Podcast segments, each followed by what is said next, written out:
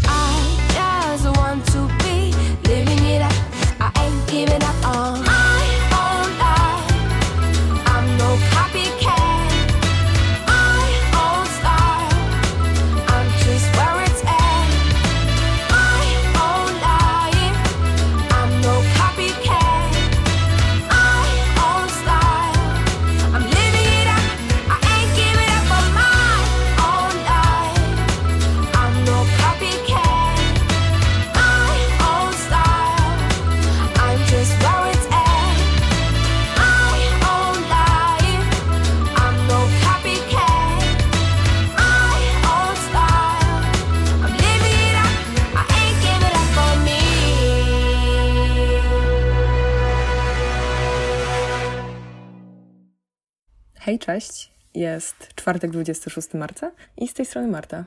Siedzimy sobie na tyłkach w domu, no bo takie mamy przecież wytyczne od rządu. E, no i uważam, że nie możemy tego zmarnować, bo no nigdy więcej nie przytrafi się taka okazja, żeby dzięki prokrastynacji i naszym kolegom, introwertykom uratować ludzkość. Nazwijmy to po imieniu. Kwarantanna. No po prostu idealny, wyśniony moment na nadrobienie tych spraw, na które, no, spójrzmy prawdzie w oczy, nie mieliśmy wcześniej czasu. Może jakaś yoga, praca domowa, sprzątanie. Sprzątanie. Nie, dobra, tak się nie czyta słowa seriale. Czyli najpiękniejszy wynalazek ludzkości. Bo właśnie dzisiaj będziemy rozmawiać o tym wspomnianym przeze mnie wynalazku. Większość z tych seriali, yy, które wybrałam, to to jednak e, seriale, które wpływają naprawdę dobrze na, na moje samopoczucie. E, jakoś potrafią uspokoić, na pewno zabić nudę, więc wydaje mi się, że kwarantanna to odpowiedni czas. Może dzięki mnie odkurzycie niektóre z tych seriali, jeśli już je widzieliście, a jeśli nie, to naprawdę zachęcam do obejrzenia choć jednej z tych pozycji, bo naprawdę warto. Na początek muzyka, a później przejdziemy do, do serialu.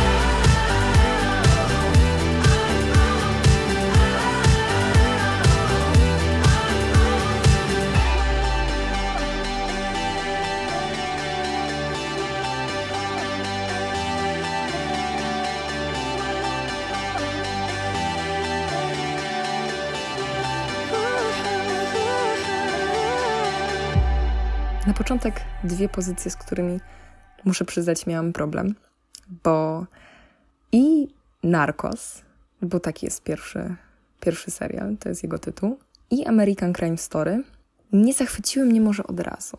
Nie miałam takiego parcia, żeby zacząć je oglądać. Nawet po pierwszym odcinku miałam takie dziwne odczucia. Ale już gdy wkręciłam się, można powiedzieć, w obydwie fabuły, zdecydowanie tego nie żałuję.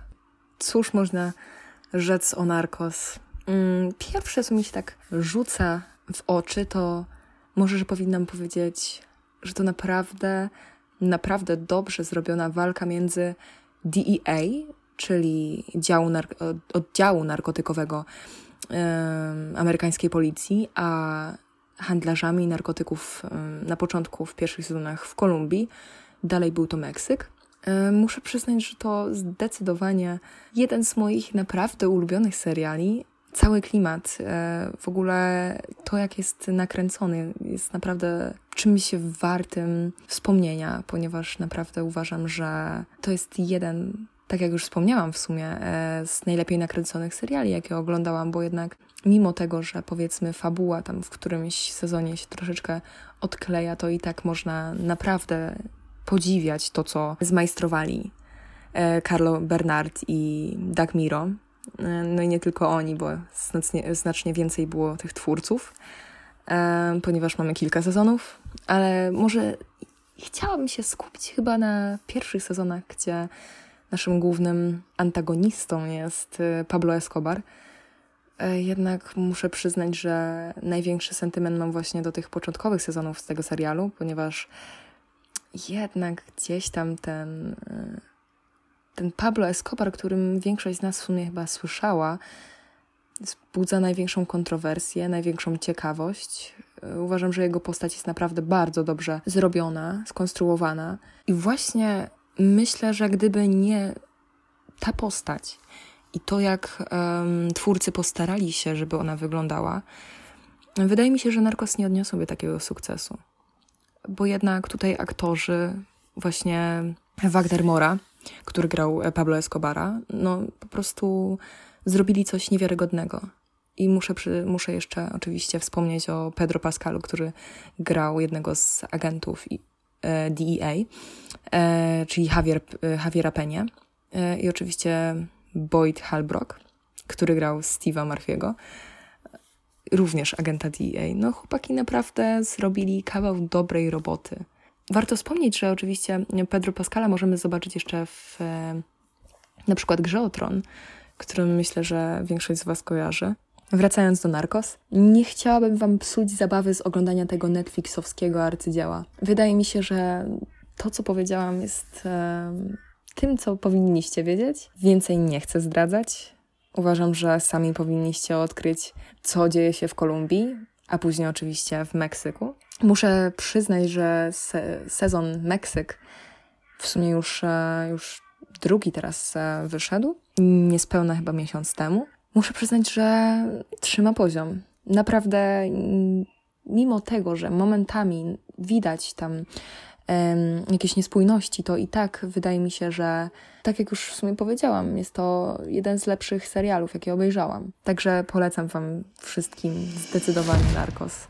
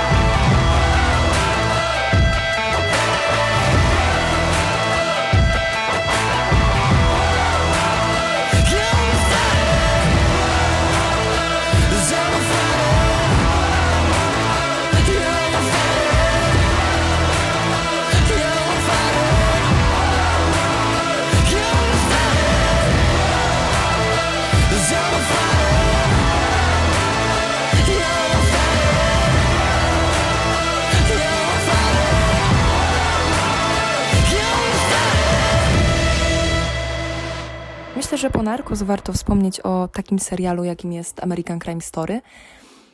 Chodzi mi oczywiście najbardziej o pierwszy sezon, czyli sprawa O.J. Simpsona. Jeśli niektórzy z Was tego nie pamiętają, bo oczywiście macie prawo, to było jeszcze e, przed rokiem 2000, jest to oczywiście serial oparty na faktach, tak samo jak Narcos. Wydaje mi się, że tutaj dość ważnym aspektem jest właśnie również policja, tak samo jak w Narcos, e, dlatego w sumie chciałam e, od razu po, porozmawiać e, z Wami o, o tym drugim serialu, bo jednak to, co dzieje się tutaj w wymiarze sprawiedliwości, jest naprawdę bardzo istotnym aspektem całego serialu. Muszę wspomnieć, że sprawa byłego futbolisty O.J. Simpsona wstrząsnęła Ameryką. Bo właśnie wspomniany przeze mnie futbolista został oskarżony o podwójne morderstwo swojej byłej żony oraz jej domniemanego kochanka, partnera właściwie. Jest to jeden naprawdę z, z lepszych seriali, które wyprodukował e, Fox. Oczywiście możecie go również obejrzeć na Netflixie. Um, są tam obydwa sezony, bo tak, um, American Crime Story ma dwa sezony. Pierwszy jest całkowicie poświęcony O.J. Simpsonowi i jego sprawie, a drugi jest e, zwieńczeniem życia Gianniego Versace. Bo drugi właśnie opowiada o, o morderstwie, e, o zaszlachtowaniu projektanta mody, o którym wydaje mi się, że jednak społeczeństwo w tym momencie zapomniało. Wszyscy skupili się jakoś na jego siostrze, która stała się twarzą marki, a wszyscy zapomnieli, co do świata wniósł właśnie Gianni Versace. Jednak e, moim zdaniem dużo bardziej wartym uwagi jest właśnie pierwszy sezon American Crime Story, który opowiada o O.J. Simpsonie. Jest bardzo kontrowersyjny i ciężko czasami przejść bez takiego zdumienia i może nawet goryczy przez te wszystkie odcinki, ponieważ to, jaka niesprawiedliwość panuje na, na świecie, trochę nas, trochę nas poraża. Ale właśnie dlatego wydaje mi się, że warto obejrzeć ten serial, bo jednak uświadamia nas, że no nie wszystko jest czarno-białe.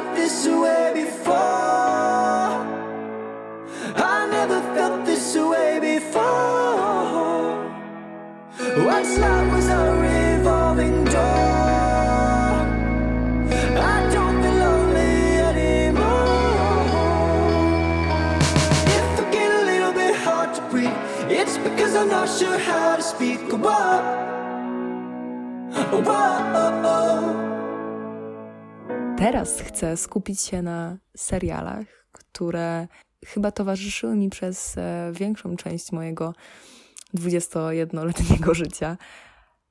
Ale zdecydowanie moim ulubionym gatunkiem jest fantasy i science fiction. Dlatego właśnie wybór był prosty. Zaczniemy od sprawy morderstwa uczennicy liceum Laury Palmer. David Lynch zawsze porywał mnie swoim modernizmem i tym wyimaginowanym światem e, snu w swoich filmach. E, na przykład Blue Velvet czy, czy Mulholland Drive, które zdecydowanie Wam polecam. Ale największy impact na moje życie miało chyba właśnie miasteczko Twin Peaks. No jest to amerykański serial stworzony przez e, Marka Frosta i oczywiście wspomnianego już przeze mnie Davida Lyncha. Opowiada on sprawę śledztwa um, Dale'a Coopera, agenta FBI, um, który zajmuje się morderstwem Laury Palmer. Plot serialu został pierwszy raz wyemitowany 10 czerwca 1991 roku. I zdecydowanie gdyby nie moi bracia, nie ruszyłabym chyba tego serialu. Jest bardzo, bardzo mroczny, bardzo specyficzny, jak oczywiście na Lyncha przystało, i zdecydowanie jest e, zrobiony w punkt. Tam zupełnie nie ma się do czego przyczepić. Jest to faktycznie serial dość stary, dlatego uważam, że no, niektóre osoby z naszego pokolenia mogą mieć troszeczkę z nim problem, bo jednak znając nas, wolimy jakieś nowsze rzeczy, ale uważam, że jest to jeden z tych seriali, do których warto wracać, choćby nie wiem co. Twin Peaks e, nawet doczekał się prequelu, który nazywa się Twin Peaks Ogniu Krocz za mną e, z 92 roku i później doczekał się nawet kontynuacji Twin Peaks The Return, który wyszedł w 2017. Wszystko to znajdziecie na platformie HBO Go, i z całego serca Wam to polecam. Nie ma nic lepszego od dobrej opowieści FBI z mrocznymi, pięknymi detalami. Myślę, że dla moich znajomych było to jasne, jaka pozycja musi się znaleźć od razu przy Twin Peaks, czyli Supernatural, nie z tego świata. Serial jest, no muszę przyznać, bardzo dużym sentymentem. Jest jednym z moich e, ulubionych, powiedziałbym nawet, że ulubionym serialem z racji tego, że oglądam go już w sumie 13 lat. W tym roku wychodzi jego 15 sezon i będziemy niestety zmuszeni się z nim pożegnać. Jest to historia dwóch braci, którzy wypowiadają wojnę siłą zła. Wydaje mi się, że nie ma nic lepszego od e, dobrego dreszczyku emocji, lekkiej dozy fantastyki i naprawdę świetnie poprowadzonych losów rodziny, bo tutaj ten serial pokazuje, jak ważna jest rodzina i co warto również wspomnieć, jest oparty, może nawet no nie oparty, ale czerpie bardzo dużo inspiracji z Biblii, co moim zdaniem jest naprawdę, naprawdę bardzo ciekawe, ponieważ jednak nie tak dużo osób jest świadome, ile tak naprawdę ciekawych historii i, i morałów możemy znaleźć w tej księdze, właśnie w tym skarbie chrześcijaństwa. I wydaje mi się, że ten serial e, nie podchodzi do tego w taki błahy sposób, ponieważ no jednak musimy przyznać, że jest to fantasy. Po prostu robi coś genialnego. Mimo tego, że jest już 15 sezonów i naprawdę niektórym może się wydawać, że że to się ciągnie i ciągnie, to jednak uważam, że, że to jest właśnie jeden z tych seriali, dla których warto, naprawdę warto przedrzeć się przez te wszystkie sezony i zobaczyć, z czym mierzą się ci bracia, czyli Dean i Sam Winchester. Warto wspomnieć, że na swojej drodze spotkałem stwory takie jak w pierwszym odcinku, no oczywiście to to wam mogę zdradzić, ponieważ w sumie taki jest tytuł pierwszego odcinka, czyli Wendigo. Są to również stwory nie tylko z Biblii, ale właśnie z innych wierzeń, nawet słowiańskich. E, warto oczywiście wspomnieć, że nawet w niektórych odcinkach e, znajdziemy aktorki z Polski. Nie będę wam zdradzać, kto to jest, musicie odkryć sami, ale naprawdę warto. E, było bardzo dużo takich cameo, fajnych, dość znanych celebrytów, więc wydaje mi się, że to jest taka trochę perełka, może długa, ale perełka właśnie tego świata seriali. Musimy pamiętać, z czym mierzą się ci dwaj mężczyźni, bo to jednak są demony, anioły i po prostu cała garść innych przedziwnych stworów, ale zdecydowanie powinniście, powinniście poświęcić im trochę czasu, bo warto.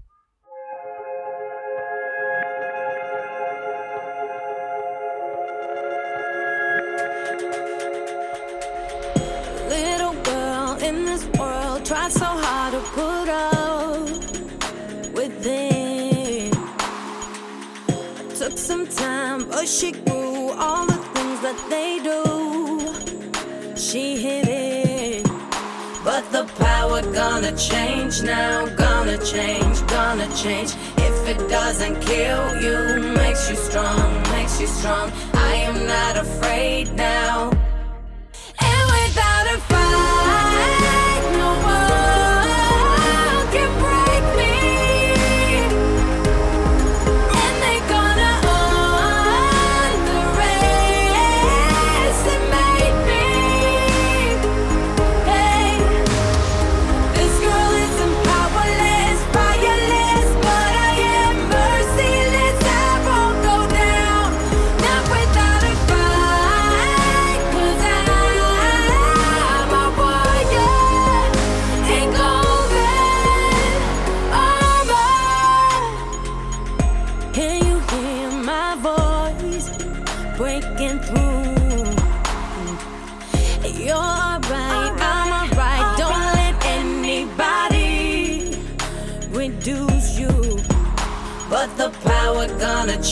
Now, gonna change, gonna change. If it doesn't kill you, makes you strong, makes you strong. I am not afraid now.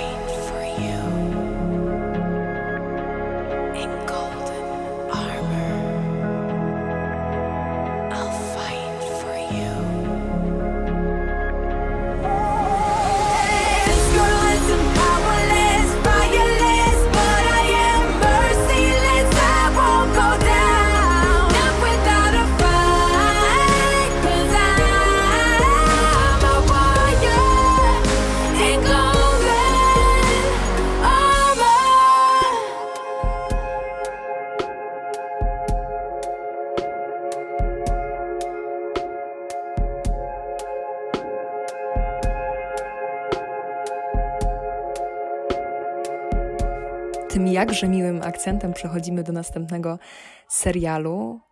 Netflix zabrał się za produkcję Wiedźmina, czyli naszego polskiego dziedzictwa. W grudniu ten serial miał swoją premierę. Uważam, że jest naprawdę warty zachodu. Wiedźmin, Geralt, oczywiście, jak pewnie większość z Was kojarzy go jedynie z gier. Jednak warto wspomnieć, że no, Sapkowski, czyli nasz e, narodowy pisarz.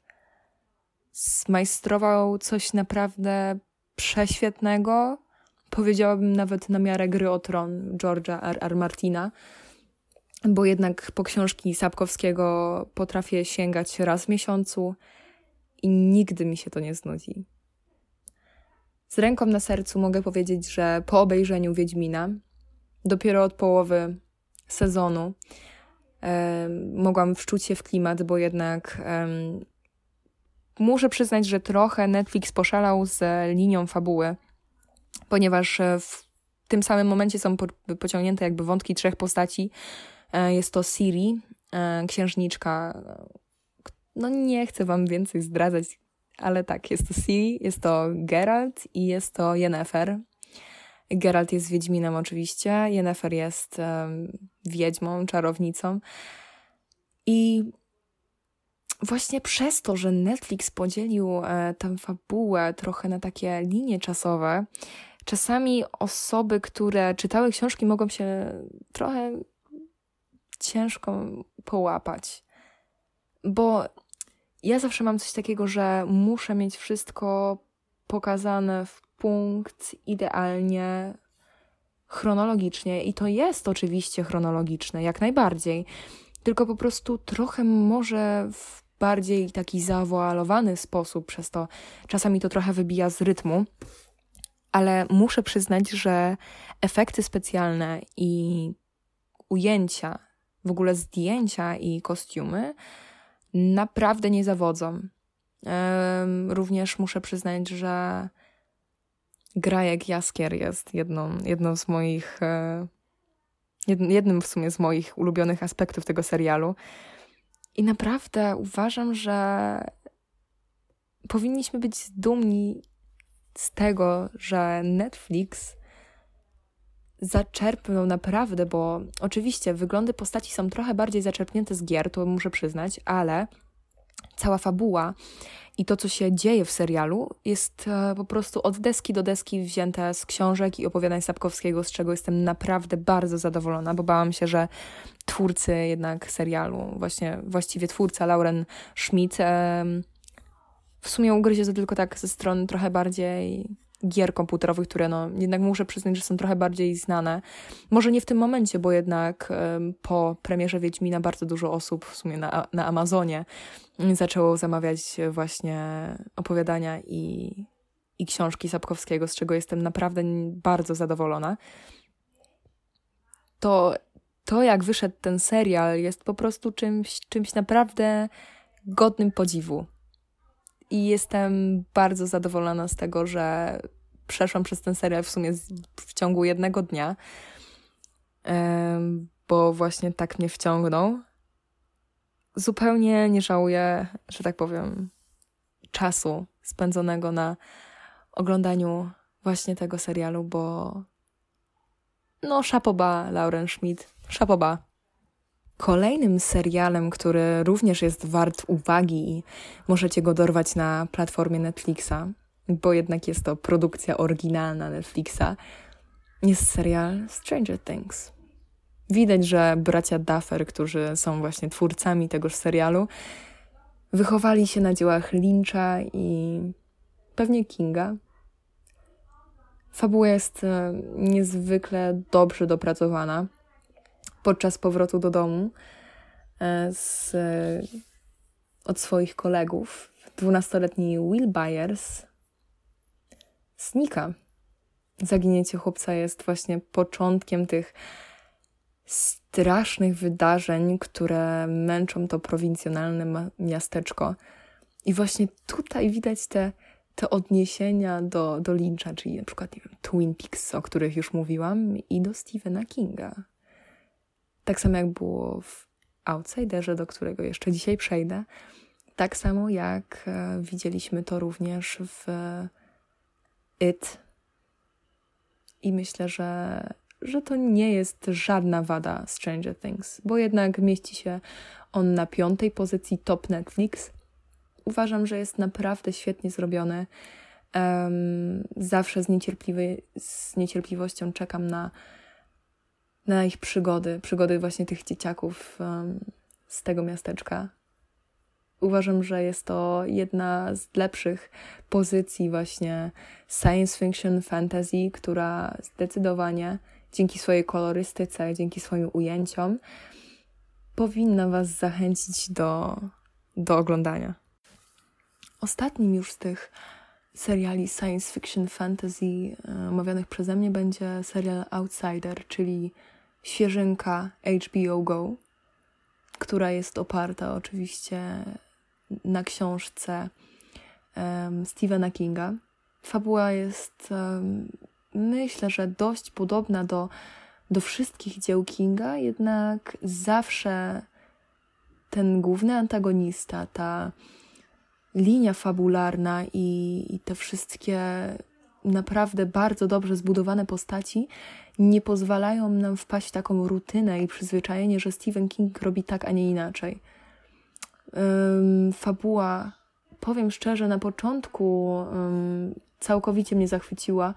Może później pojawiają się schody, jednak to pozwolę Wam pozostawić do własnej oceny. E, w każdym razie serial opowiada historię detektywa, który prowadzi śledztwo w sprawie makabrycznego morderstwa małego chłopca e, i bardzo nietypowych okoliczności sp samej sprawy. Niestety nie mogę Wam zdradzić nic więcej, bo jednak cała fabuła opiera się właśnie na tych okolicznościach, bardzo dziwnych okolicznościach samej sprawy. Jest to oczywiście thriller e, może bym nawet y, porwała się na określenie horror, y, bo naprawdę momentami mrozi krew w żyłach. Jednak e, sama, e, same ujęcia i postaci są naprawdę godne uwagi i uważam, że jako jeśli znajdują się tutaj w ogóle fani um, thrillerów, fantasy czy tam właśnie science fiction, to uważam, że zdecydowanie powinniście się zabrać za ten serial podczas naszej pięknej kwarantanny.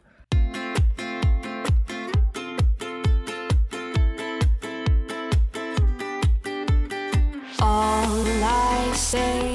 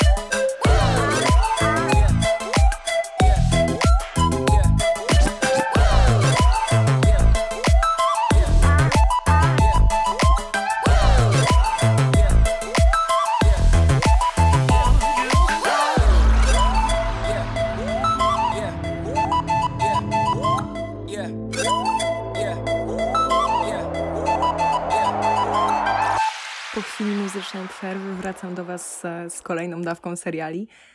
Muszę przyznać, że od razu po science fiction i fantasy to właśnie komedia e, jest czymś, co, co uwielbiam. I dlatego właśnie pierwszy serial, o którym Wam opowiem, to będzie The Office, czyli biuro. Jest to serial bardzo nietypowy, bo um, mamy odniesienia do widowni, ponieważ momentami e, właśnie postaci z tego serialu, bohaterowie, z którymi notabene bardzo łatwo jest się zżyć, spoglądają w kamerę i mówią coś do nas, właśnie do tej widowni.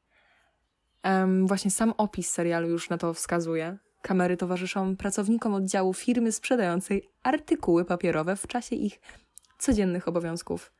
No nie brzmi to zbyt ciekawe, ciekawie, ale muszę przyznać, że jest to komediowy majstersztyk. Jeśli ktoś lubi czasami aż wykrzywić twarz z żenady, bo nie może patrzeć na to, co robi osoba na ekranie, ale może takiej, nie takiego cringe'u, jak my to nazywamy w tych czasach, tylko właśnie takiej przyjemnej, dziwnie to brzmi, ale przyjemnej żenady i zaciekawienia, to zdecydowanie The Office jest dla Was. Muszę przyznać, że mm, to, jak zbudowane są tu postaci i to, jak niezwykłe są ich losy, bo może, można się, może się wydawać, że no, biuro, no papierniczy, no i co to takiego, ale wcale nie, no. To, jaka tu jest obsada i to, um, jakie są tutaj perypetie, to jest coś po prostu niebywałego. Warto wspomnieć, że gra tutaj również Steve Carell, Jenna Fisher i jeden z moich ulubionych aktorów, którego e, możecie w, podziwiać również w, w horrorze. Jest e, John Krasiński i oczywiście osoba, która gra w sumie ulubieńca, czyli Dwighta Schruta w The Office, czyli Rain Wilson. E, gra on również w kilku serialach od HBO Go, o których może kiedyś Wam opowiem. A tak poza tym to idźcie obejrzeć The Office. Dziewięć sezonów, non-stop śmiech, czasami nawet wzruszenie. No, nie znajdziecie naprawdę nic lepszego w tym momencie. No może poza Brooklyn Nine-Nine, czyli serialem, który myślę, że dorównuje swoim humorem The Office i opowiada historię również takiej zwykłej organizacji, organizacji, posterunku policyjnego i cała historia bazuje właśnie na pracy detektywów na tym posterunku. E, I to, co się tam wyprawia, naprawdę, ja jestem zachwycona za każdym razem, jak o tym mówię, bo właśnie The Office i Brooklyn Nine-Nine to przykłady tych komedii, na których naprawdę nigdy w życiu nie będziecie się nudzić i wczujecie się w tą więź między wami a tymi postaciami. Nie mogę dużo więcej właśnie o tych dwóch serialach niestety opowiedzieć. Warto jeszcze wspomnieć, że Brooklyn Nine-Nine um, to perełka, w której gra Andy Samberg, który jest moim zdaniem jednym naprawdę z lepszych um, aktorów komediowych w tym momencie. I warto też chyba wspomnieć, że w Brooklyn Nine-Nine znajdziecie naprawdę przemiłego korgi o imieniu Cheddar. Uważam, że naprawdę te dwa seriale komediowe razem w sumie z kolejnym na którym się skupię, przodują właśnie w swoim gatunku. A czymże jest kolejny serial? No nie mogłam zapomnieć o Friends, czyli o przyjaciołach. No chyba każdy, naprawdę. Nie spotkałam jeszcze osoby, która nie słyszałaby o tym, o tym serialu. Losy szóstki przyjaciół, którzy mieszkają i pracują w Nowym Jorku. No i warto wspomnieć, że w sumie mieszkają naprzeciwko siebie i właśnie akcja rozgrywa się przede wszystkim w dwóch mieszkaniach. Serial zdobył naprawdę tysiące nagród. Możecie go również znaleźć na platformie Netflixa. Myślę, że tutaj akurat jest e, może trochę bardziej fabularny niż komediowy, jednak e, oczywiście, że zawiera bardzo dużo wątków komediowych, naprawdę śmiesznych. Niektórych może niestety zrażać ten śmiech z puszki, czyli te może nawet nie wklejone, ale właśnie przez to, że odcinki były nakręcone w niektórych momentach z widownią i słychać ten śmiech, no niektórzy niestety rezygnują z oglądania przyjaciół, ale wydaje mi się, że po pewnym czasie to naprawdę nie jest przeszkodą i da się, da się po prostu do tego przyzwyczaić. Zdecydowanie jeden z tych seriali, na, który, na których naprawdę bardzo płakałam, do których się bardzo przywiązałam i za którymi tęsknię i bardzo często do nich wracam. Także jeśli macie ochotę na szóstkę przyjaciół, naprawdę śmieszne perypetie, ciekawą linię fabularną i przywiązanie się do nich i przeżywanie tego wszystkiego razem z nimi, to polecam Wam zdecydowanie przyjaciół. Na koniec audycji chciałam poświęcić kilka chwil jeszcze na seriale, które są animowane. Wiele osób myśli, że nie mają aż tylu zwolenników, jednak naprawdę, naprawdę bardzo dużo osób wielbi i Bojacka, i Big Mouth, i Rika i Mortiego. Myślę, że skupimy się najpierw na Bojacku, który jest, um, którego w sumie zaczęłam oglądać dzięki mojemu chłopakowi. Nie mogłam się jakoś do niego na początku przekonać. Ciężko mi też było przejść takich zwykłych, fabularnych seriali, seriali na, na właśnie te animowane, ale Bojack, który jest koniem aktorem, znanym z sitcomu, który wyprodukował w latach 90. i jest alkoholikiem, jest uzależniony od narkotyków i próbuje ratować swoją karierę w naprawdę brutalnym świecie gwiazd i celebrytów, gdzie wszystko to, co się dzieje właśnie um, w Hollywood, to o czym często słyszymy, typu molestowanie, typu jakieś przekręty i tak dalej, to wszystko jest tutaj poruszone. To jest bardzo prawdziwy serial, który tą, ten taki beton, ten mur, e, tą suchość tego wszystkiego, o czym my słyszymy, i to, to przerażenie nasze przykrywa dawką naprawdę,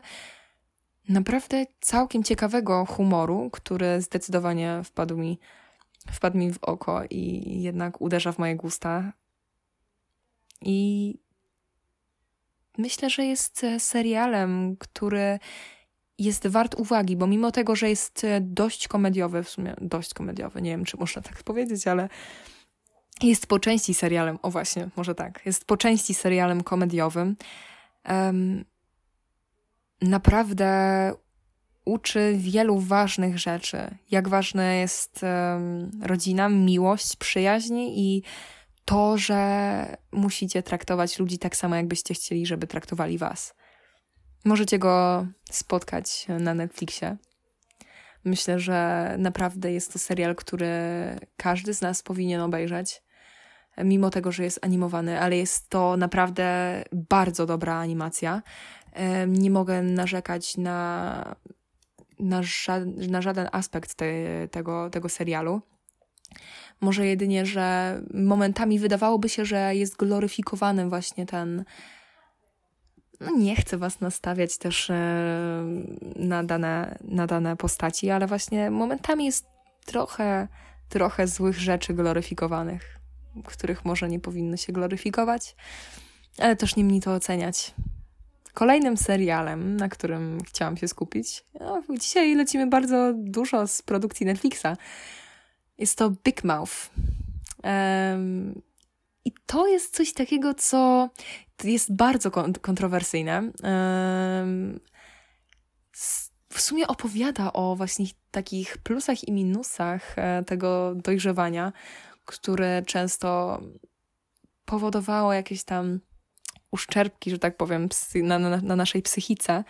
E, I pokazuje nam w taki bardzo komediowy sposób, e, bardzo ładnie zrobiony zresztą, e, że no przez to wszystko każdy przechodzi. To nie jest tylko coś, co, coś z czym się my borykamy. Myślę, że osoby młodsze, nie tylko właśnie studenci i osoby starsze, powinny zobaczyć, że to naprawdę nie jest aż takie straszne, a osoby starsze powinny być świadome, że, że my przez coś takiego przechodzimy i to wcale nie zależy do końca aż od nas. Także Big Mouth, gdzie macie potwora hormonów i hormonelle, um, które właśnie przedstawiają te nasze bolączki i jakieś tam um, zachcianki podczas tego okresu dojrzewania, po prostu trochę umilają życie i gdy już jesteśmy po tym okresie dojrzewania, to naprawdę miło jest do tego wrócić w taki sposób i pomyśleć o tym, że zawsze mogło być gorzej, albo, albo że właśnie może fajnie było przez to przejść i stać się teraz tym, kim właśnie jestem. Ostatnim serialem jest serial Rick and Morty, do którego też bardzo ciężko było mi się przekonać, ale naprawdę jest wart uwagi. Opowiada historię ekscentrycznego naukowca Rika, który naprawdę swoim wnukiem udaje się do przedziwnych miejsc w galaktyce i w jakichś innych rzeczywistościach. Jest to również produkcja Netflixa. Jest to komedia przygodowa i w sumie przede wszystkim jest to animacja dla dorosłych, także e, proszę się nie zgorszyć, bo momentami są tu całkiem ciężkie sceny. E, myślę, że na takie lekkie popołudnia, jakieś wieczory, gdzie serio już nie mamy co robić, nam się bardzo nudzi, jest to serial idealny bo nie wymaga, wydaje mi się, jakiegoś tam e, jakichś tam głębszych przemyśleń i naszego ogromnego zaangażowania. Myślę, że ode mnie to na tyle. Polecam Wam wszystkie seriale, które, e, które się przewinęły podczas tej audycji. Dzięki, że słuchaliście. Byłam strasznie zestresowana, jak to nagrywałam, powiem szczerze. I cieszę się, że że mogłam to zrobić i że mogłam pogadać o czymś, co, co naprawdę lubię. Mam nadzieję, że wszyscy siedzicie na życi w domu i się nigdzie nie ruszacie. Pamiętajcie, że jest to bardzo ważne w tych e, ciężkich czasach i powinniśmy dbać o siebie nawzajem. Także życzę Wam wszystkiego dobrego, dużo zdrowia i dobrych seriali. Trzymajcie się.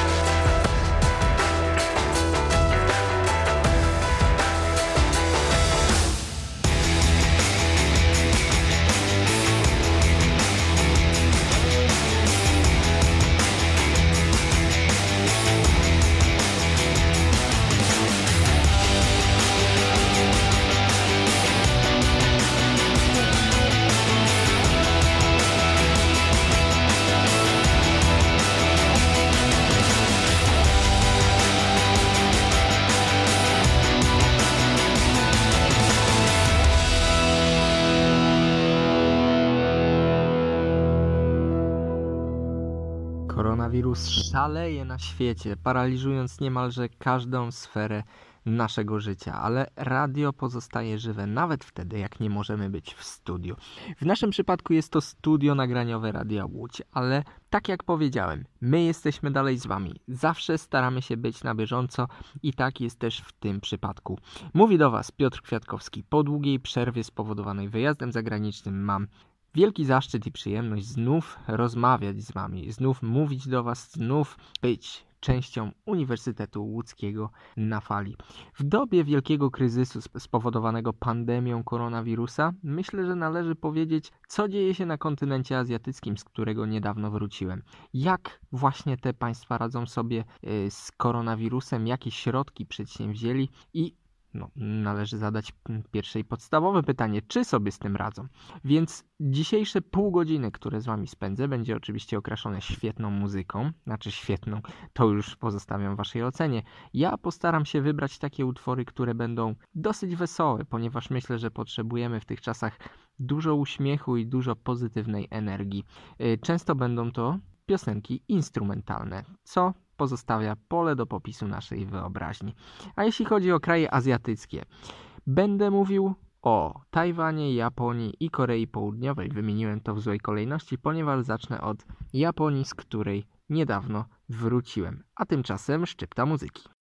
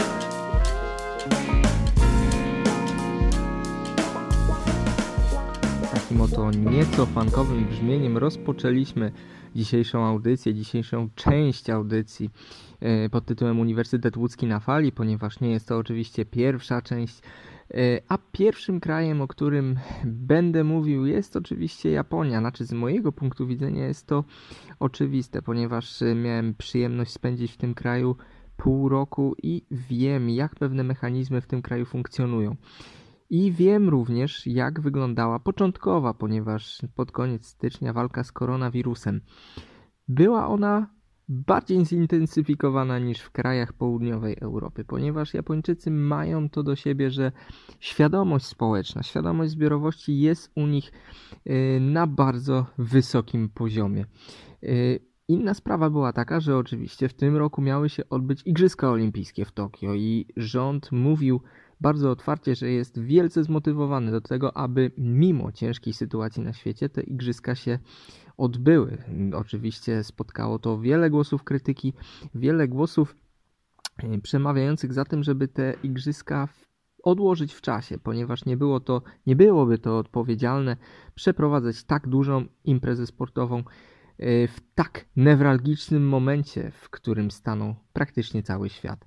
Natomiast wracając do tego, jak z koronawirusem radziła sobie Japonia, przybył, e, ten wirus przybył do nich pod koniec stycznia. E, miałem okazję akurat w tamtym czasie w Japonii być i można powiedzieć, że Japończycy za zaczęli reagować od początku nosząc maski, ale to jest nieco złudne, ponieważ czy ten koronawirus był, czy go nie było, Japończycy zawsze noszą maski, nawet jeśli są tylko troszkę przeziębieni. Wynika to z tego, że po prostu nie chcą e, roznosić jakiejś infekcji na innych ludzi. Wynika to z ich kultury. O ile my czerpiemy z amerykańskiego indywidualizmu, e, życie zbiorowości ma oczywiście znaczenie, tak jak e, w każdym środowisku, ale jest to kwestia nieco marginalna, ponieważ y, indywidualizm odgrywa tą największą rolę. Samorozwój, jak sama nazwa wskazuje, samorozwój, więc y, dbamy głównie o swój interes, mówiąc kolokwialnie. Japończycy spełniają się żyjąc y, żyjąc w zbiorowości, żyjąc w grupie, ponieważ w przeciwnym razie nie ma to dla nich sensu. I można to zaobserwować właśnie w ich podejściu do do jakichkolwiek infekcji i chorób, ponieważ ta maska jest wszechobecna. E, w dobie koronawirusa trudno było dostrzec człowieka bez maski, a jeśli był on dostrzegalny, był zazwyczaj osobą z kontynentu amerykańskiego bądź, e, bądź ze starego kontynentu, z Europy. Na początku te maski były ogólnodostępne, potem niestety nie można było ich kupić, ponieważ epidemia sprawiła, że nawet Japończycy zaczęli się zaopatrywać w nieco większych e, ilościach w te maski, więc nie było to takie proste zaopatrzyć się e, w celu zapewnienia sobie bezpieczeństwa, ale nie widać było w tych ludziach paniki. I to było godne podziwu, ponieważ również inne sytuacje w Japonii miałem, miałem okazję doświadczyć, a mianowicie przeżycie tajfunów, dwóch tajfunów. Kiedy dowiedziałem się o tajfunie wpadłem może nie w panikę, ale w stan gotowości. Poszedłem mm, do sklepu, zrobiłem zakupy na 3 dni, ponieważ nie było do końca wiadomo, jak długo ten stan pogodowy będzie się utrzymywał. I widać, na pewno widać było po mnie, że jestem lekko zdenerwowany, że adrenalina podniosła się do pewnego stopnia. A po Japończykach było widać jedynie spokój, bo oni już po prostu wiedzieli, z czym to się je. Wiedzieli, jak reagować, wiedzieli, że nie ma powodu do paniki, tylko trzeba zachować trzeźwy umysł, trzeba się zachowywać zgodnie z zaleceniami i w tym wypadku nic złego się nie stanie. No ale wracając do koronawirusa. Można powiedzieć, że sytuacja w Japonii jest dobra, a nawet bardzo dobra, kiedy spojrzymy na liczbę zakażeń. Yy, ponieważ oficjalna liczba zakażeń przekroczyła tysiąc, pewnie dojdzie w ogólnej liczbie do około 5-10 tysięcy, ale jest to naprawdę bardzo mała ilość, biorąc pod uwagę, że na mieści się 125 milionów ludzi. I na to trzeba zwrócić zdecydowanie uwagę. Natomiast y, inna sprawa godna zaobserwowania to liczba wykonywanych przez nich testów. Nie wiem, jaką polityką kieruje się premier Japonii Shinzo Abe, ale Mm, liczba testów była, nie chcę powiedzieć mikroskopijna, ale nawet w porównaniu do mm, naszego kraju do, czy do innych krajów europejskich ta liczba była dosyć mała, dosyć mała, ponieważ 15 tysięcy testów to y, Polska wykonała na początku pojawienia się epidemii koronawirusa. Teraz może dojść do pewnej zmiany, ponieważ igrzyska w Tokio zostały odwołane. Może to była taka strategia quasi polityczna, że, yy, która miała zapewnić iluzję bezpieczeństwa w Japonii, że ten koronawirus nie jest w stanie spustoszyć tego kraju i yy, że jest w stanie zapewnić bezpieczeństwo w trakcie największej sportowej imprezy czterolecia. No niemniej jednak MKOL zdecydował, że impreza zostanie przełożona na 2021 rok i teraz Japonia może się zacząć kierować, yy, zacząć się kierować innymi motywami w związku z yy, koronawirusem i, i zapewnili sobie yy, z Chin patent na pewny test na koronawirusa, który jest o wiele bardziej efektywny yy, niż ten tradycyjny, na którego wynik trzeba czekać do 6 godzin. Otóż Testy produkowane przez jedną z firm japońskich yy, pozwalają wykryć wirusa po 15 minutach. Yy, jeden taki zestaw kosztuje w przeliczeniu na polskie do 1000 zł i jest w stanie yy, przebadać 10 osób. Szacunki mówią, że będzie takich testów wykonywanych do 10 tysięcy dziennie. Tak, mów, tak mówią szacunki produkcyjne firmy, która ma się tym zająć, więc Pozostaje nam czekać, zobaczyć co Japonia będzie e, skłonna zrobić w dalszej walce z koronawirusem, ponieważ aż trudno uwierzyć, że na tak małej powierzchni, e, tak obleganej powierzchni, ponieważ prawie 130 milionów ludzi żyje, e, żyje w tamtym, na tamtym terenie Dalekiego Wschodu, że jest tak mało zakażeń. Jest to aż niebywałe, aczkolwiek biorąc pod uwagę ich środki bezpieczeństwa, które, są potrafi, e, które potrafią przedsięwziąć, e, jestem w stanie uwierzyć, że ta liczba nie jest zastraszająca. Mógłbym tak mówić o tej Japonii i mówić, ale chciałbym też poruszyć kwestie innych krajów, dlatego teraz pora na chwilę muzyki.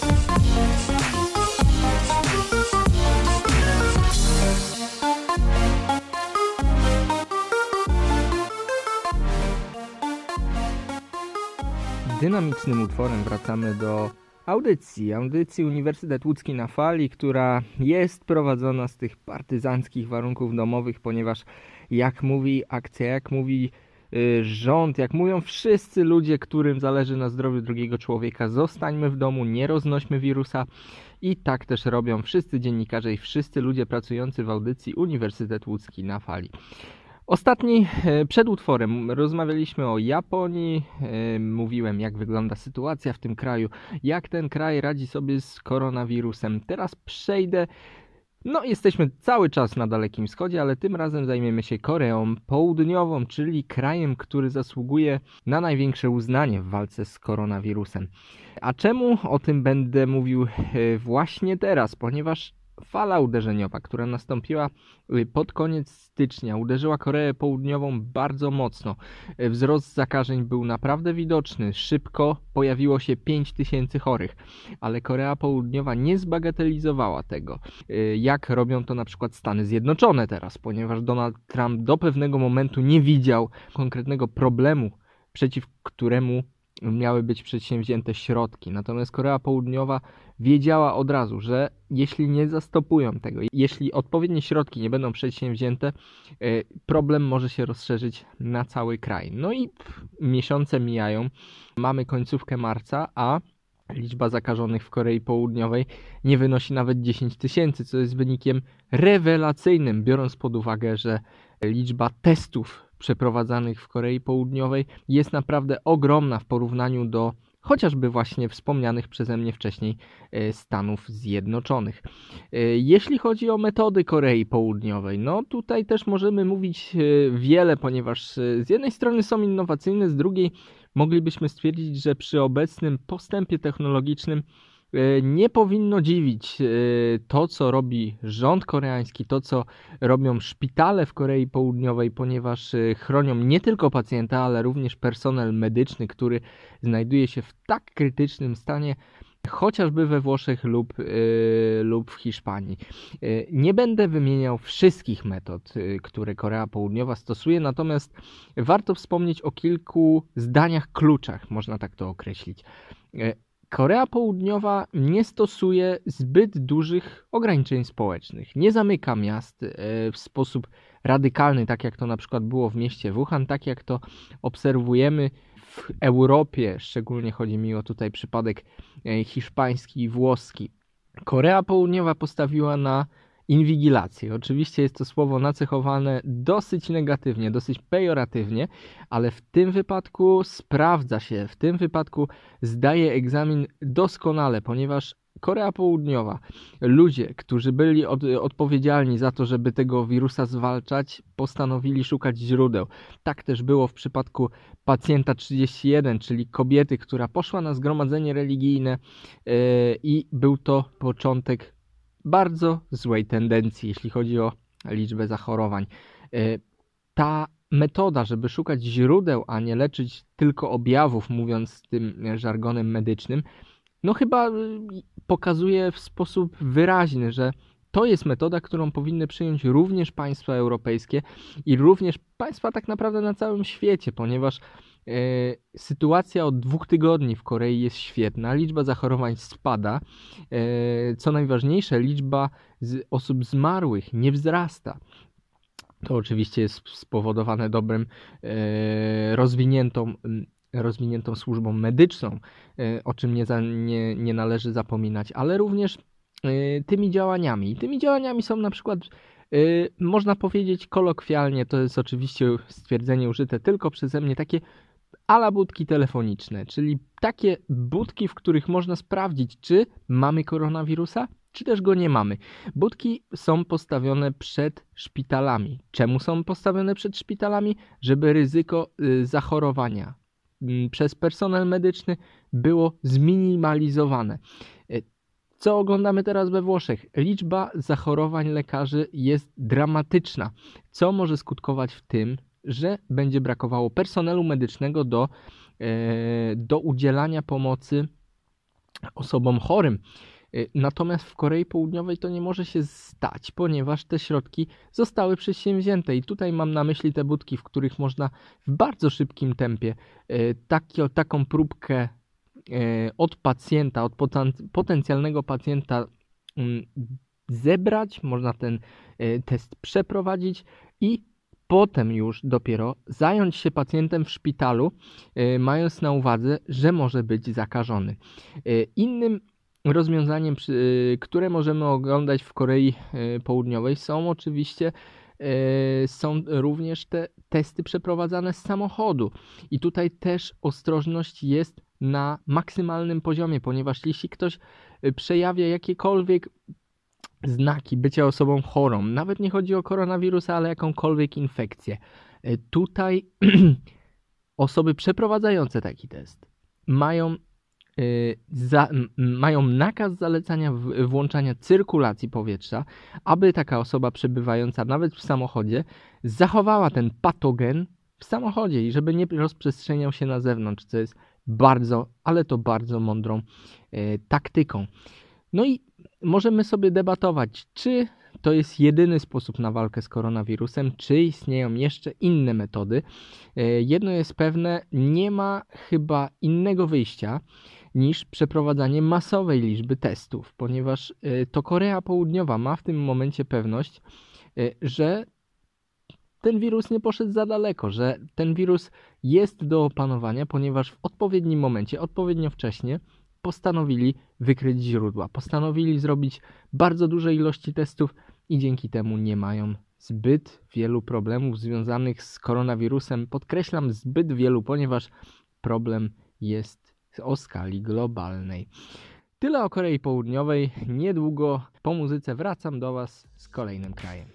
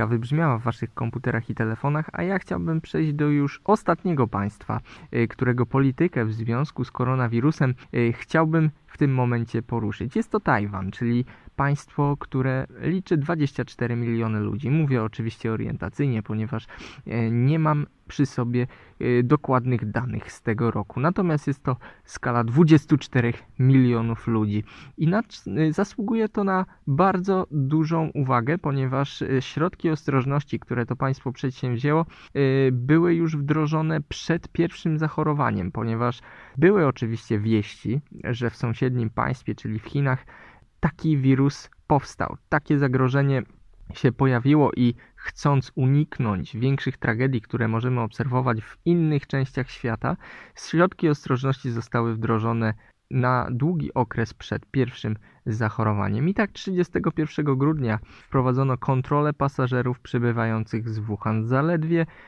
6 dni później, 6 stycznia 2020 roku, monitor, y, zaczęto monitorować wszystkich ludzi, którzy w ciągu ostatnich 14 dni podróżowali do Wuhan i mieli jakiekolwiek objawy infekcji czy jakiejkolwiek y, choroby. Zostały y, również uruchomione finanse, a także zmobilizowano personel medyczny oraz wojskowy. Finanse zostały z góry przeznaczone na środki przeciw Y, epidemii, ale myślę, że coś, co zasługuje na największe uznanie, chociaż przez zwolenników, zagorzałych zwolenników wolnego handlu, którymi chyba wszyscy jesteśmy, ale mówię tutaj o takich skrajnych przypadkach, może być to uznane za y, nie wiem czy karygodne, ale na pewno niegodne pochwały.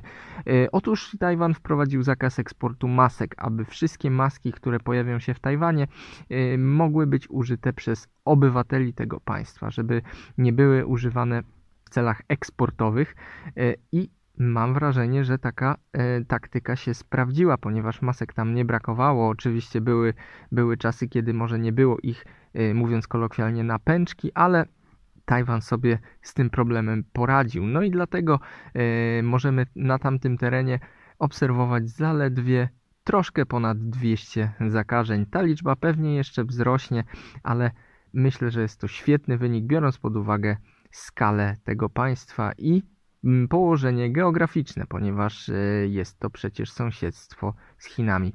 Tyle w tym bloku. E, dziękuję Wam za uwagę. Był to e, blok o państwach azjatyckich i tym, jak sobie radzą z koronawirusem. Mówił do Was Piotr Kwiatkowski. Zapraszam Was na pozostałe bloki Uniwersytetu Łódzkiego na fali, a my słyszymy się w przyszłym tygodniu. Życzę Wam przede wszystkim zdrowia. Do usłyszenia.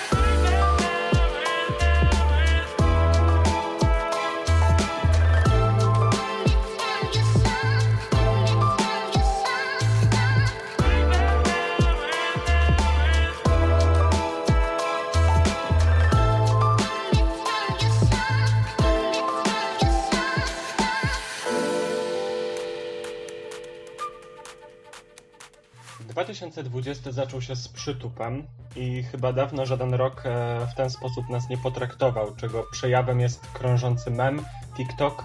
E, trochę nie wiem jak go określić, bo nie nadążam, na którym czarnoskóry chłopak w dosyć dramatyczny, a wręcz nadpobudliwy sposób nawołuje do powrotu spokojnego jak e, ruchome piaski Various Manx 2019.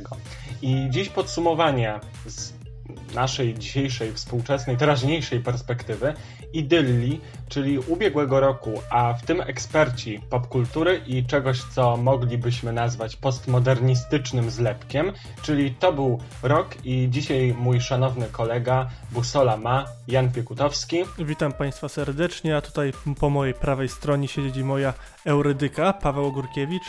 I zapraszamy i zaczynamy od takiego dosyć e, mocnego potknięcia w 2019, ponieważ oczekiwania były spore. E, książka była bardzo dobra, uhonorowana nagrodą literacką Nika, e, czyli nieudolna ekranizacja Ciemno prawie nocy. Janek, czytałeś książkę? Nie czytałem książki, ale oglądałem ten nieszczęsny film i muszę szczerze przyznać, że był jednym z najgorszych, które widziałem w 2019 roku. No, tego się naprawdę nie dało oglądać, biorąc pod uwagę nawet y, gatunek, jaki miał ten film prezentować, to mówiono, że to nawet będzie jakiś polski horror. Y, wyszedł horror, ale pod względem realizacyjnym i tak naprawdę całości produkcji, no bo no sorry, no Ciemno prawie noc nie przedstawiało żadnego właściwie plusu, poza oczywiście fantastycznym i majestatycznym panem Piotrem Franceskim, którego całuje po rączkach, bo to jest genialny aktor, ale poza nim to dajcie spokój. To znaczy, wiesz co, ja uważam, że tak, dobrze, że zwróciłeś uwagę, że wyszedł horror, e, ale e, w kwestii wykonania e, tego, ja się już troszeczkę tego bałem, kiedy zobaczyłem trailer. Trochę też bałem się wykonanie tego filmu, ponieważ to jest obszerna książka. To jest prawie, tak.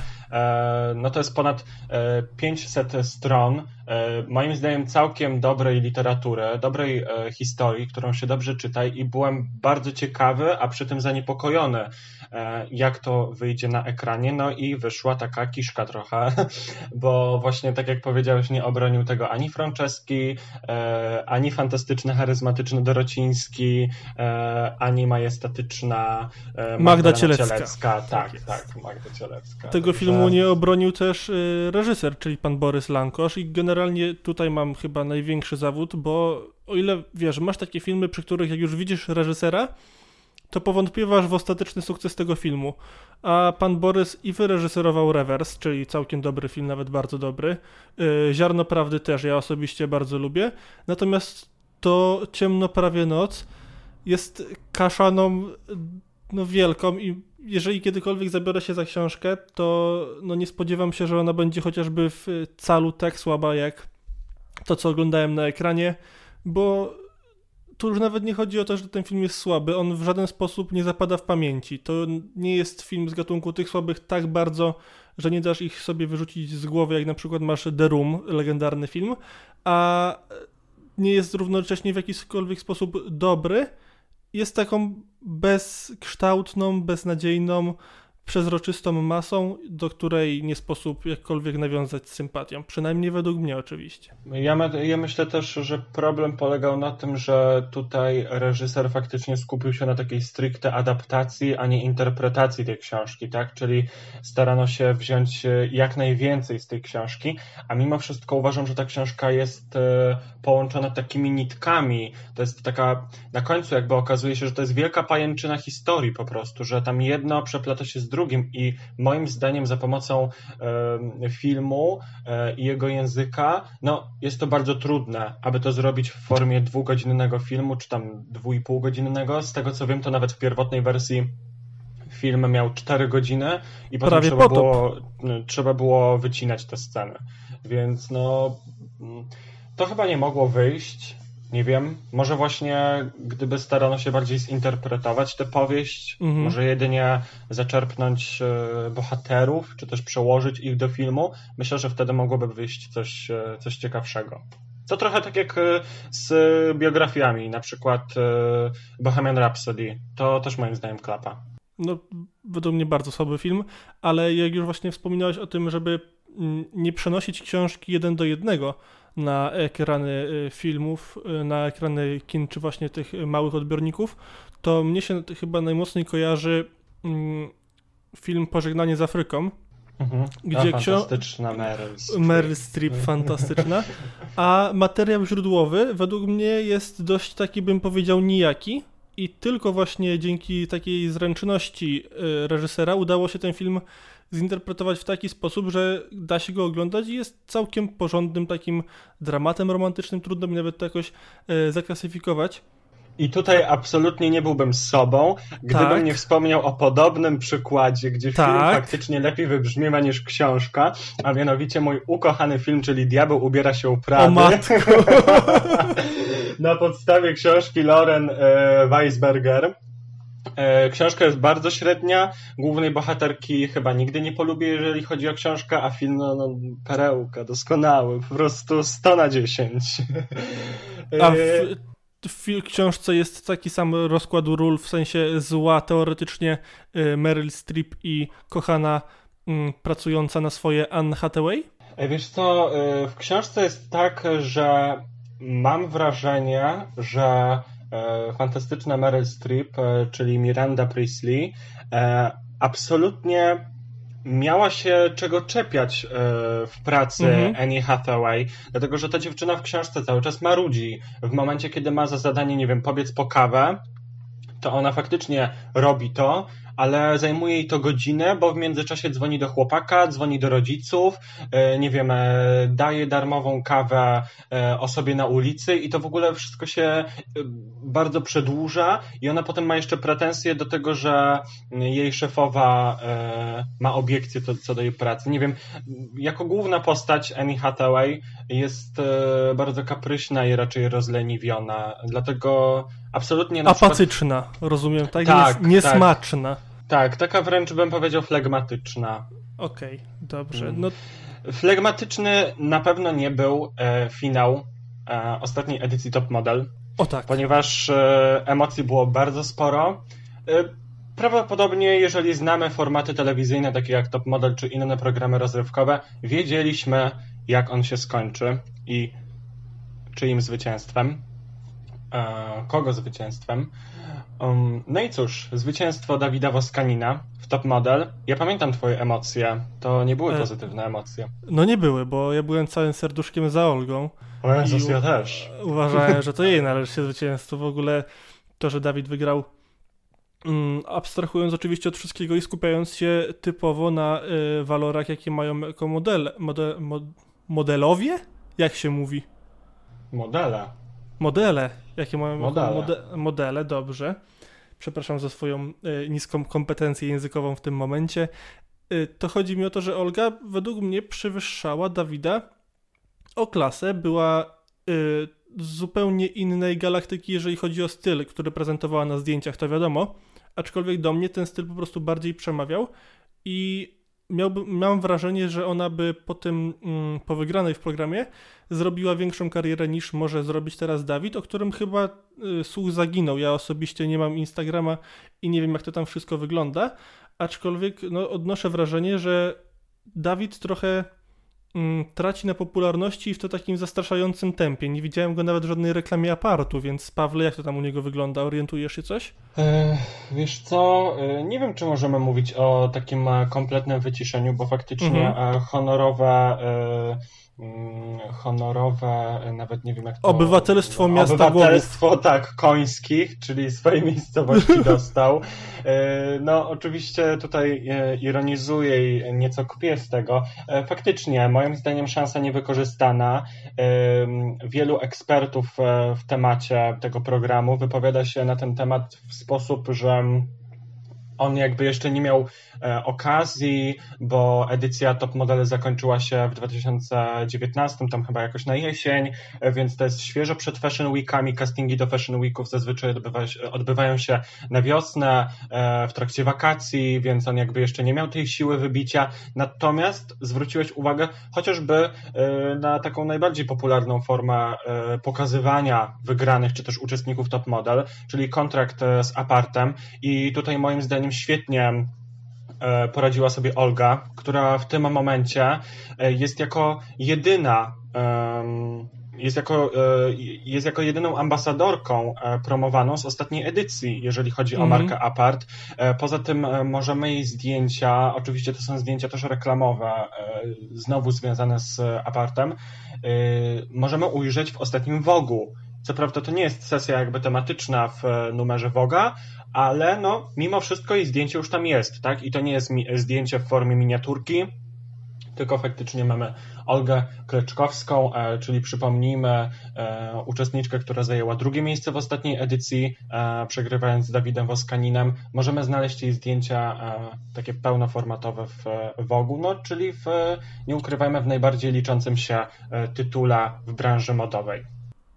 Tak, a ja chciałem Cię zapytać, y, co się dzieje w ogóle z tymi wszystkimi zwycięzcami top model, bo ja tak patrzę na tą listę y, wygranych. Mamy Paulinę Papierską w pierwszej edycji, Olgę Kaczyńską w drugiej, y, Radosław Pestka edycja piąta, Patryk Grudowicz szósta, no Kasia Szklarczyk, wiadomo, reklamy apartu były. Oni jakoś robią kariery, które Ty zauważasz, bo ja przyznaję się, nie śledzę tego rynku modowego i y, rynku gwiazd i fashion weeków, aczkolwiek jestem ciekawy po prostu, czy oni sobie po tym programie radzą.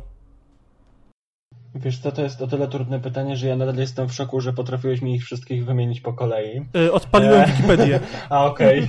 E, Wiesz co, no cóż, moim zdaniem e, Top Model to w ogóle jest program, który ma przede wszystkim mm, promować może nie tyle osoby nadające się do modelingu, chociaż Mhm. wiadomo, że taki jest e, główny cel i misja tego programu, ale przede wszystkim e, sukcesem mm, po tym programie jest zaistnienie jako osobowość medialna.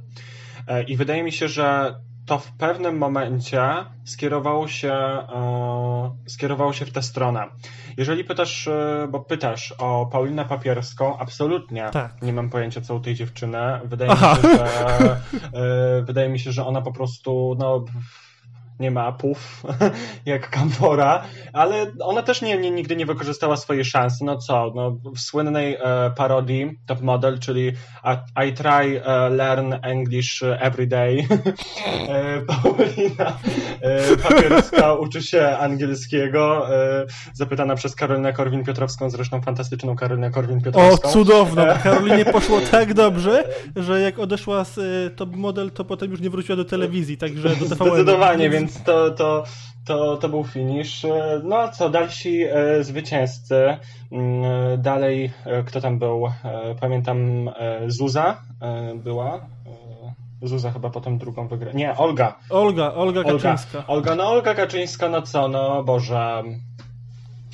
Aha. Babyface, babyface gdzieś tam chodzi po parkach. No słuchaj, no to jest kolejna szansa niewykorzystana. Z tej drugiej edycji e, chyba nikt sobie nie radzi. Wiemy też, jak skończyła Ania Bałon. Mhm. Em, To akurat nawet ja wiem. No, no. E, Trzecią edycję wygrała Zuzka. Zuzka sobie fajnie radzi. Są jakieś fajne projekty, głównie z markami e, takimi sportowymi. Ponieważ ona zawsze, to Marcin Tyszka zawsze to podkreślał, że ona ma taką urodę bardziej e, sportową i faktycznie w tych e, takich kampaniach sportowych gdzieś tam sobie radzi, można gdzieś e, tam ujrzeć jej twarz, czy nawet na pokazach polskich projektantów. Radek Pestka czy Patryk Grudziński moim zdaniem absolutnie nie. No wiemy... Wiemy, co zamiast talentu w social mediach pokazał Radek Pestka, więc screen krąży do dzisiaj, ale, ale może nie mówmy Masz go zapisanego na Ale- telefonie? a- a- absolutnie nie chcę mieć. Rozumiem. Absolutnie nie chcę mieć. No to jest kolejna szansa niewykorzystana, aczkolwiek Radek e, Pestka zrobił coś bardzo sprytnego, ponieważ e, przyjął taką maskę e, uczestnika, któremu zależy na przedostaniu się do świata fashion, a tak naprawdę nie wytrzymał w tej pokorze, czy, czy właśnie w tej roli nawet miesiąca po programie, ponieważ wprost wypowiadał się w wywiadach, że nie zależało mu na pozycji w świecie fashion, a bardziej w świecie fashion s- stylistów, e, w Mhm. takim świecie e, bardziej, nie wiem, może nawet beauty, także bardziej, bardziej w tę stronę. Ale mamy bardzo fajnie e, pracujące nazwiska, takie jak Karolina Gilon, e, która złapała się. O, Karolina em, Gilon sobie poradziła w telewizji znakomicie. W ogóle tak, zapomniałem o, o jej tak. przygodzie w A, e, a ona, Model. Tak, a ona tutaj bardzo fajnie zajęła chyba w top model czwarte miejsce, a tutaj bardzo, e, bardzo dobrze sobie radzi. Może nawet nieco za bardzo się uczepiła tego Marcina Tyszki, ale jak widać robi coś i, i faktycznie e, mm, stara się wykorzystać e, swoją szansę w całości. No, no, dobrze. Tutaj kropka chyba na razie i chyba zrobimy, tak. zrobimy Państwu delikatną przerwę i zaprosimy na piosenkę. Myślę, że tak. Dobrze, Myślę, że to... Mr. Funky. Nie, teraz nie Mr. Funky. Mr. Funky jest na początku i na końcu. Teraz będzie coś, co pewnie znacie z reklam, z reklam, z programów TVN-u. Ma piosenka This One For You. Czyli ktoś odpada. Stop. Tak, tak. Zapraszamy.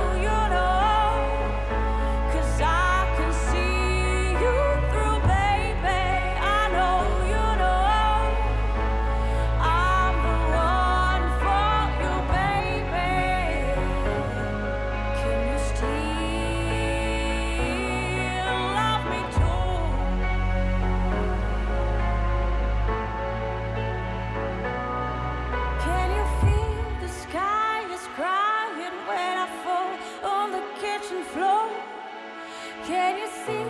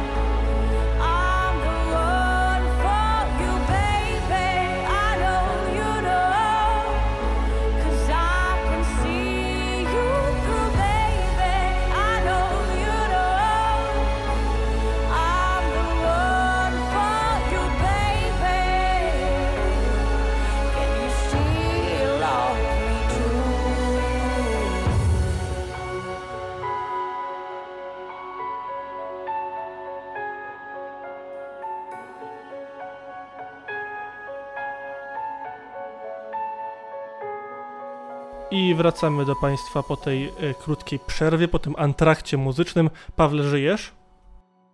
Żyję, żyję i A nie żyjesz. mogę się nadziwić, że jeden człowiek tak. A, a zdobył tak wiele, zdobył tak. wszystko.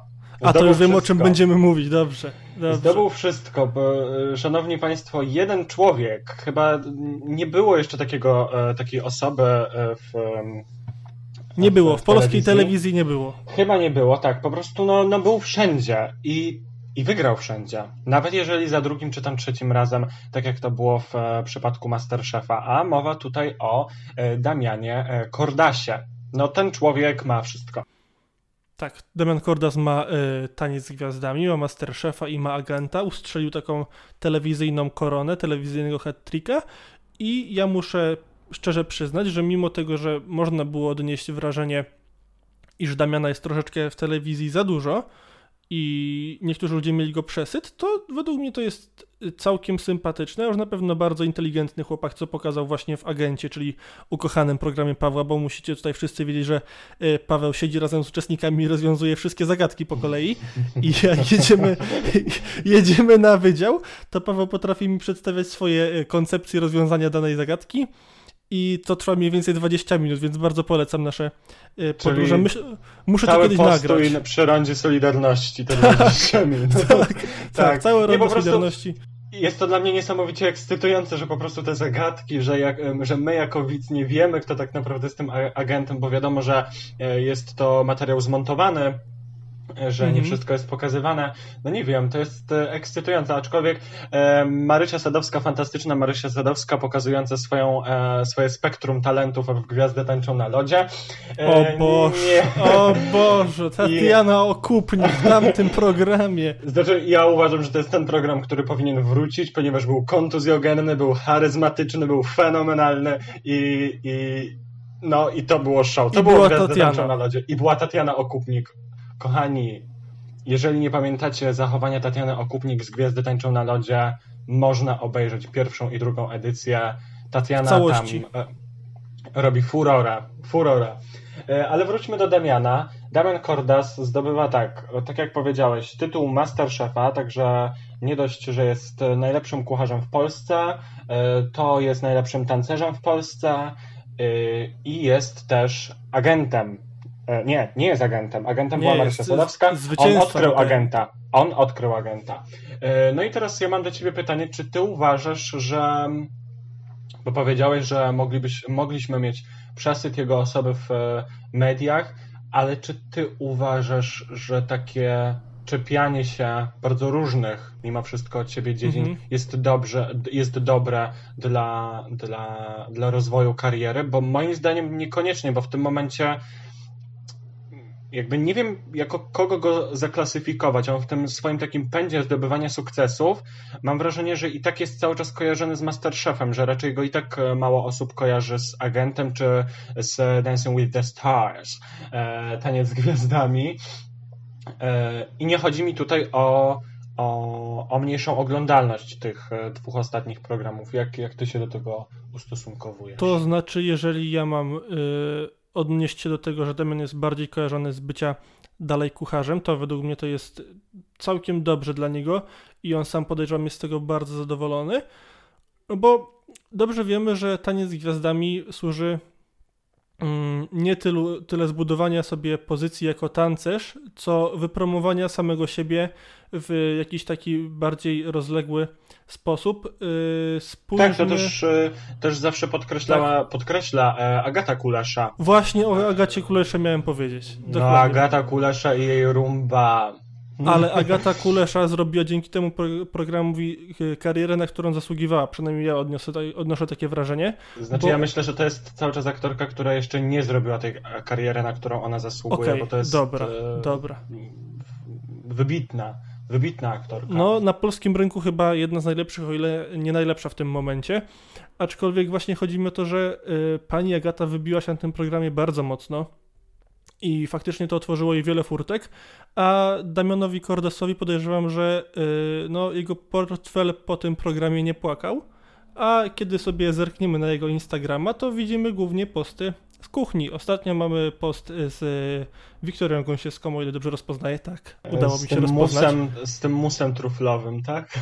Nie wiem. Jest y, Damian, Wiktoria i stoją przy blacie, a na drugim zdjęciu jest Damian i pani Iwona Pawlowicz y, i tak, też bo, stoją przy blacie. E, tak, bo on ma też e, kanał na YouTubie. E, o proszę.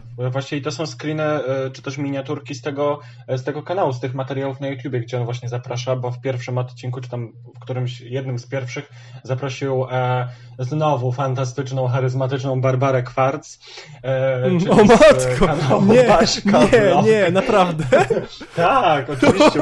Musisz nadrobić, to był fantastyczny odcinek. Także no, no Baśka e, Kwarc jest sama w sobie nadal e, bombastyczna, jest absolutną bombą. E, no i w 2019 roku bombą były też tutaj dosłownie bomby na maturach. Tak, tak, ale o bombach wiesz co? Znowu zrobimy przerwę, bo mam wrażenie, że będziemy gadali tyle, że w końcu ludzie nas znienawidzą, a tego chyba nie chcemy, yy, znaczy chcemy tego na pewno uniknąć. Dobrze, obrazisz się, jeżeli teraz przerwiemy, a bomby będą potem? Puszczaj tę muza. Dobra, teraz będzie y, Hot Day, jedna z twoich ulubionych piosenek, które zaproponowałem, prawda? Tak, bardzo. Dobrze, to teraz Hot Day, a my wracamy po tym jakże upalnym dniu.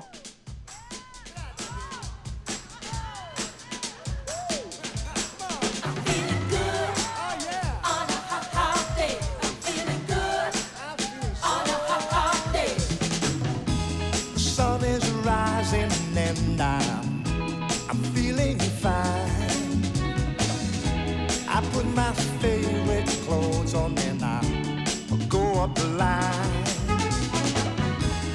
I don't care.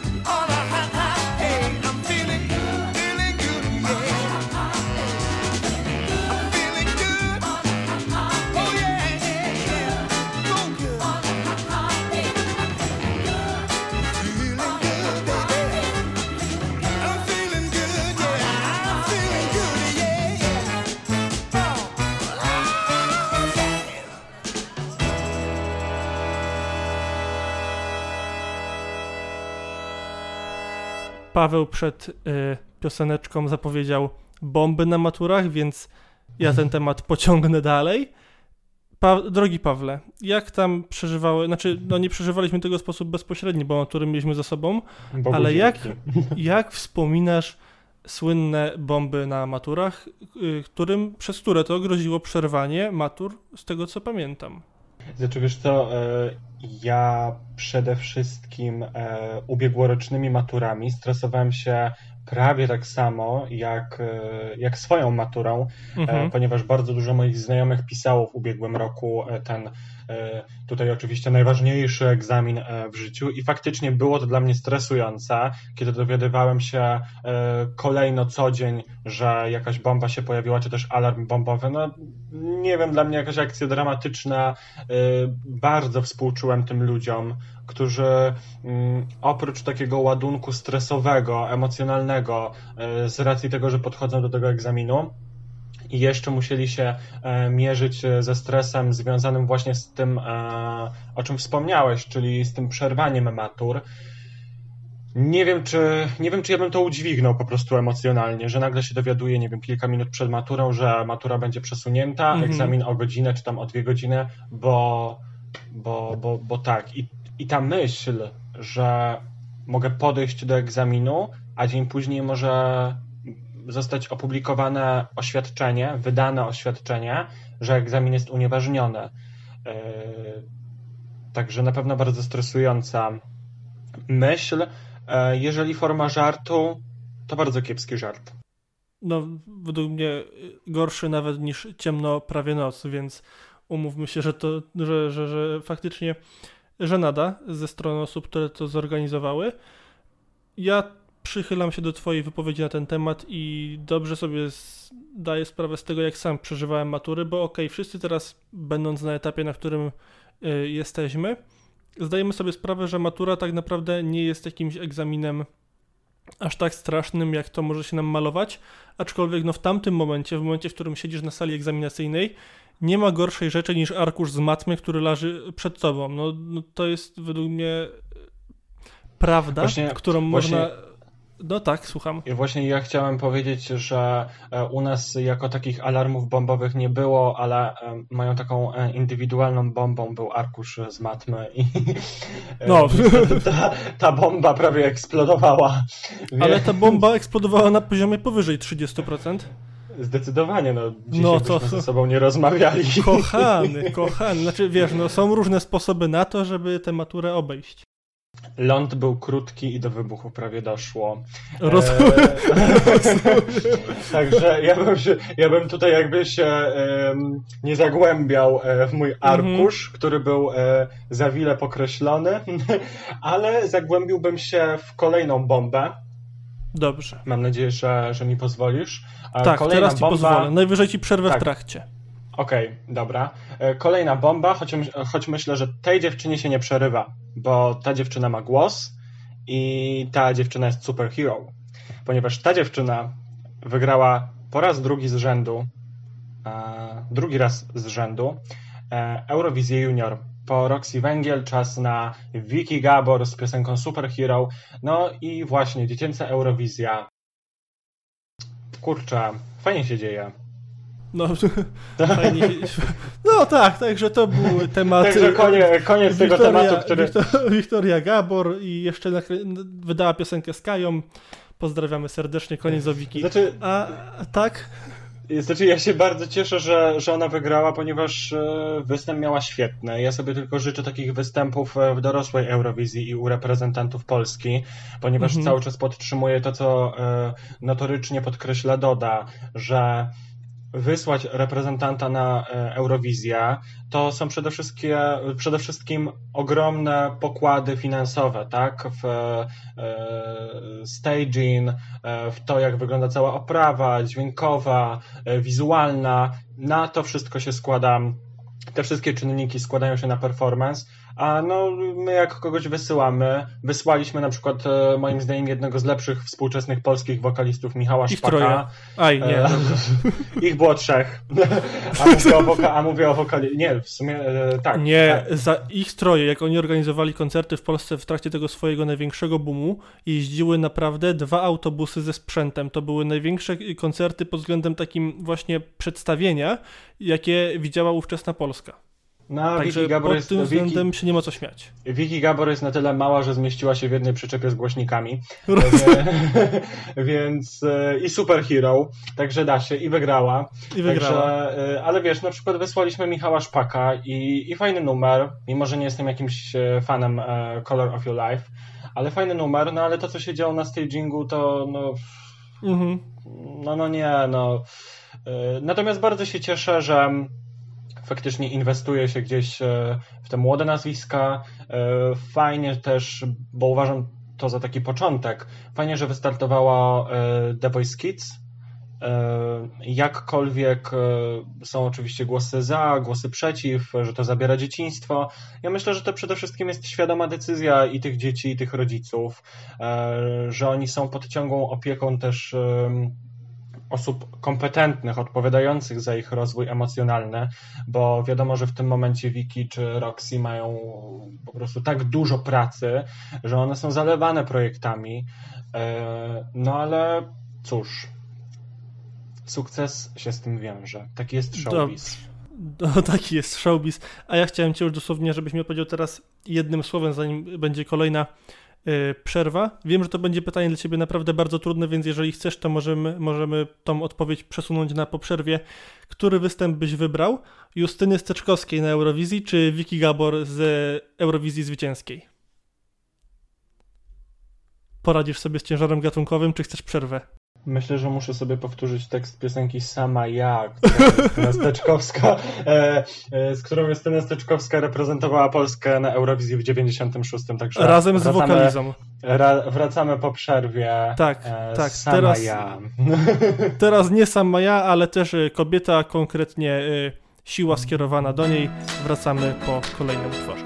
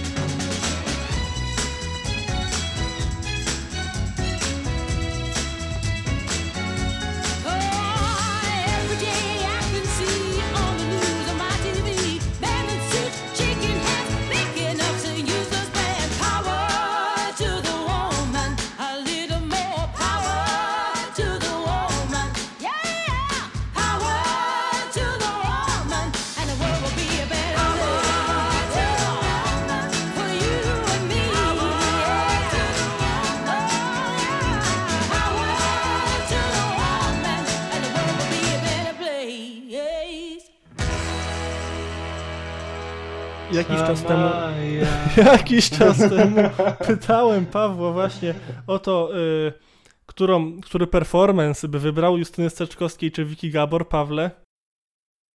Myślę, że mimo wszystko w moim sercu Justyna. zakleło się Justyna, tak. Tak, Justyna ja jest wiedziałem. niesamowita. Justyna pokazała mi takie światy za pomocą swojego głosu. Nie, to było coś absolutnie kosmicznego. Ona oczywiście dzisiaj mówi, że e, nieco wstydzi się tego występu, że nie była też wtedy e, technicznie do niego dobrze przygotowana. Aczkolwiek ja uważam e, wręcz przeciwnie, to było doskonałe, moi drodzy. Doskonałe. To znaczy, będąc zupełnie poważnym, jeżeli pozwolisz jeszcze na chwilkę, to według mnie to był występ, na który Eurowizja nie była przygotowana, być może nadal nie jest, bo to było bardzo mocno awangardowe, a wiemy, co się jednak na Eurowizji przebija, na przykład my Słowianie, no a Justynka niekoniecznie.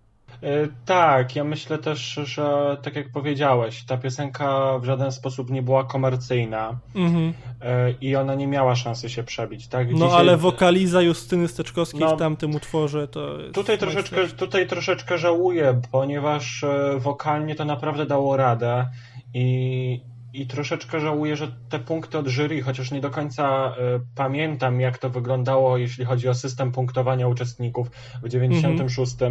E, No nie możesz przykład- pamiętać, bo miałeś minus 3 lata.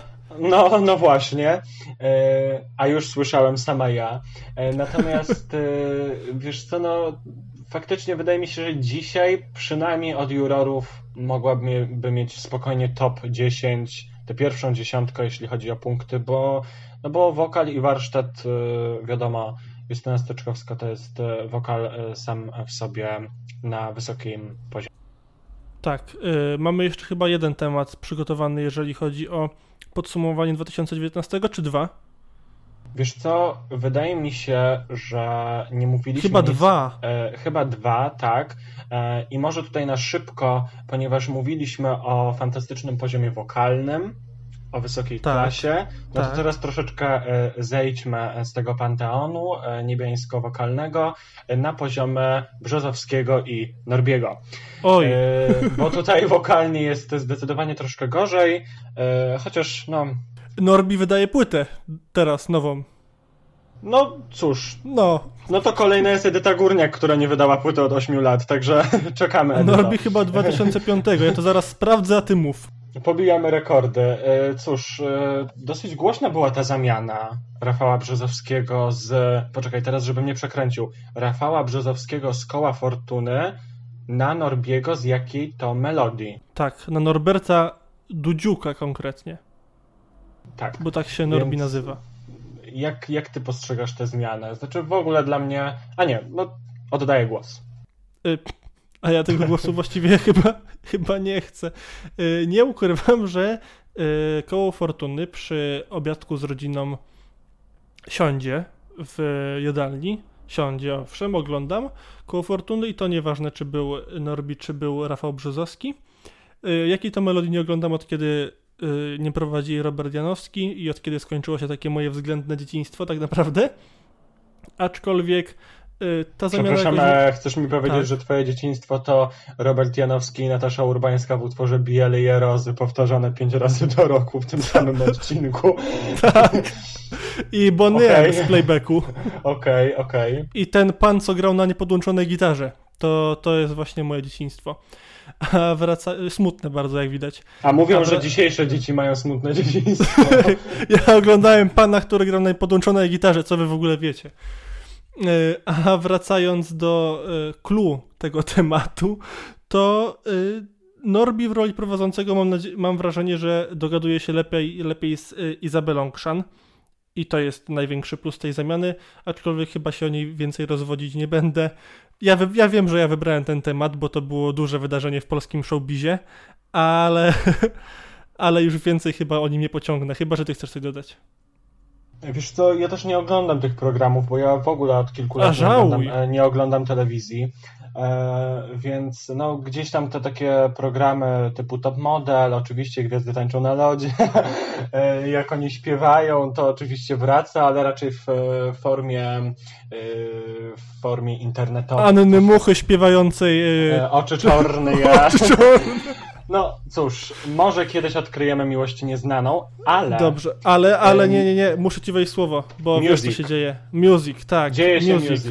Teraz music i teraz będzie piosenka, której ty osobiście nienawidzisz, więc nawet jej nie zapowiem, ale mnie się całkiem podobała, mam nadzieję, że państwu też będzie.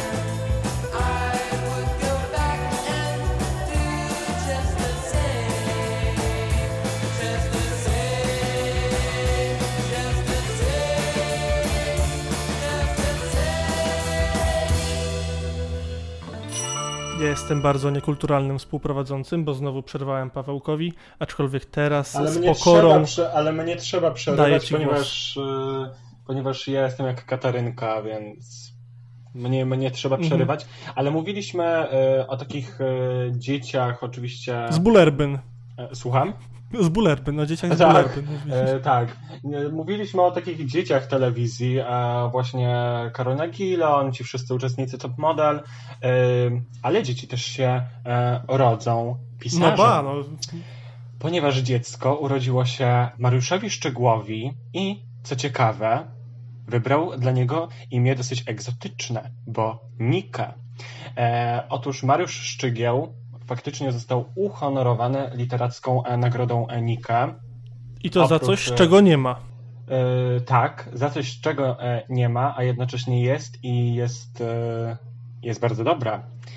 E, I oprócz oczywiście statuetki e, dostał 100 tysięcy e, złotych, 90 tak naprawdę po odciągnięciu Co? podatku. Jezu.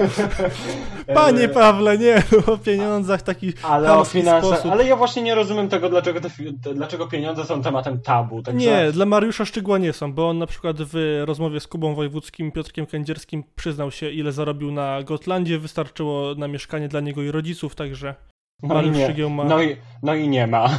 No i, no i nie ma, tak. I wyszło, I wyszło nie ma. E, czy ty czytałeś może inne propozycje nominowane do ubiegłorocznej nagrody? W ogóle, E, to czy... Oj, wiesz co, muszę sprawdzić, co było nominowane, bo nie ma, oczywiście czytałem i jestem książką absolutnie e, zachwycony. Uważam, że to jest najlepsza ze wszystkich, które Szczygieł przygotował, chociaż też jest, no nie ukrywajmy, że mm, książką najcięższą pod względem ciężaru gatunkowego, bo tam są lekkie tematy, oczywiście. Jest na przykład znakomity reportaż Perła wśród willi, o ile dobrze pamiętam, opowiadający o y, o, właśnie o willi w Czechach. Swoją drogą Mariusz Szczygieł śpiewający po czesku jest lepszy niż y, Rafał Brzozowski w Kole Fortuny. Odsyłamy do Instagrama Mariusza Szczygła, Tak, odsyłamy. którego, Paweł, uwaga, pochwal się, możecie, pochwal się, uwaga, dawaj. właśnie chciałem dopowiedzieć, możecie go, jeżeli oczywiście nie, nie umielibyście, nie potrafilibyście e, wpisać nazwę Mariusz konta Mariusz, Szczygieł? Mariusz Szczygieł, e, to możecie zajrzeć do osób, które mnie obserwują i tam znajdziecie Mariusza Szczygła, ponieważ to jest sukces e, na miarę 2020. To jest czyli- Pawła sukces życiowy. Tak, tak, to, że zaobserwował mnie Mariusz Szczygieł i jak mi lajkuje zdjęcia. No właśnie. I no to tak seryjnie, nebeska.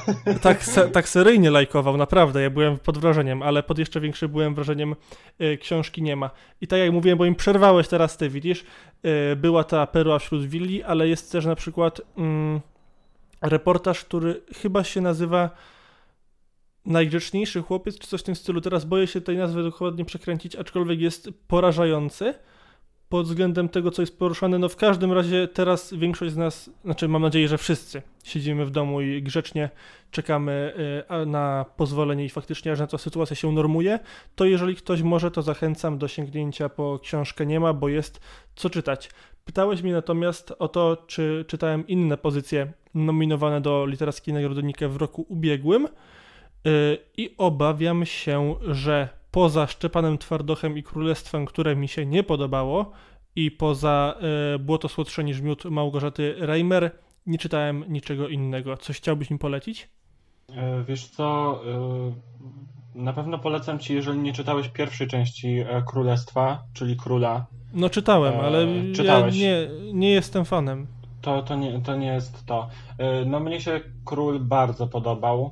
Mm, Mhm. O wiele mniej spektakl Teatru Polskiego we Warszawie, który moim zdaniem był beznadziejny. I A teraz będzie też serial kręcony e, w Łodzi zresztą. Y, Tak, był kręcony w Łodzi, niedaleko mojego mieszkania i, i przez plan zdjęciowy e, bardzo często spóźniałem się na ostatni tramwaj, który dowiózłby mnie na czas na uczelnię. Także bardzo dziękuję z tego miejsca, chciałbym e, pozdrowić produkcję. E, e, wiesz co, ale chciałem cię też jeszcze spytać, bo oczywiście tego króla polecam. Ja myślę też, że warto by zajrzeć do, do współczesnej poezji, bo uważam, że mm, Ojej. dzieje się w tym momencie coś takiego, że my nie mamy pojęcia, jak wygląda ta współczesna poezja i w momencie, kiedy mówimy o współczesnej poezji, to tak naprawdę ostatnie nazwisko, jakie nam przychodzi, to myślę Wisława Szymborska, może Czesław Miłosz, może bardziej może bardziej Czekaj, a jak się nazywał, y, nazywała chyba autorka y,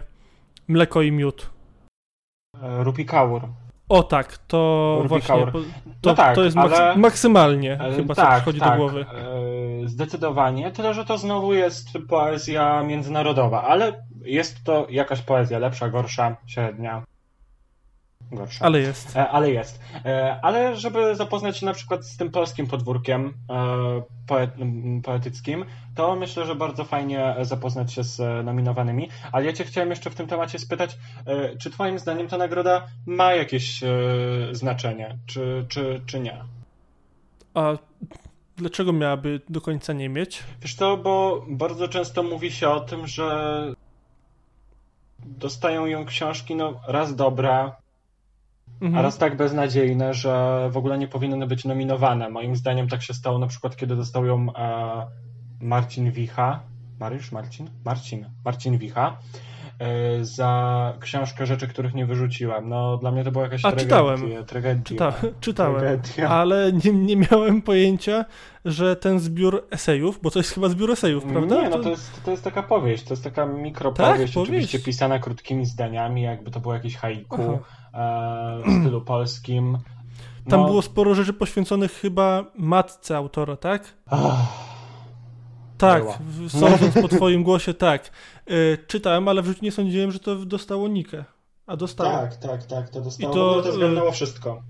Tak, paszporty polityki nawet zgarnęło. Tak, tak, tak. No, e, No zobaczymy, co, w- co w tym e, roku, ponieważ już powoli startujemy z tymi nagrodami, bo z tego co wiem, to dosyć niedawno e, opublikowano listę nominowanych do nagrody Ryszarda Kapuścińskiego za najlepszy reportaż. Mhm. E, Więc no, nic tylko czytać, nadrabiać właśnie w tym czasie, kiedy jesteśmy w domach. Mam nadzieję, że jesteśmy.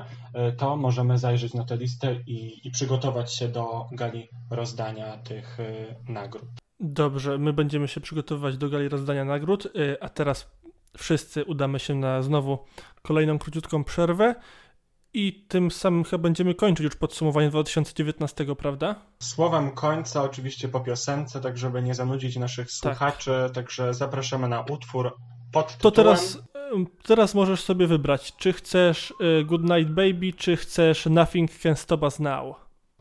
A będzie coś jeszcze później na koniec? Będzie jeszcze. To ja chciałbym Good Night Baby e, na koniec. Na koniec, To na koniec. Na koniec, aha, dobra, no to Także teraz, teraz y, nic nas nie zatrzyma. Teraz. Do usłyszenia zaraz, za moment.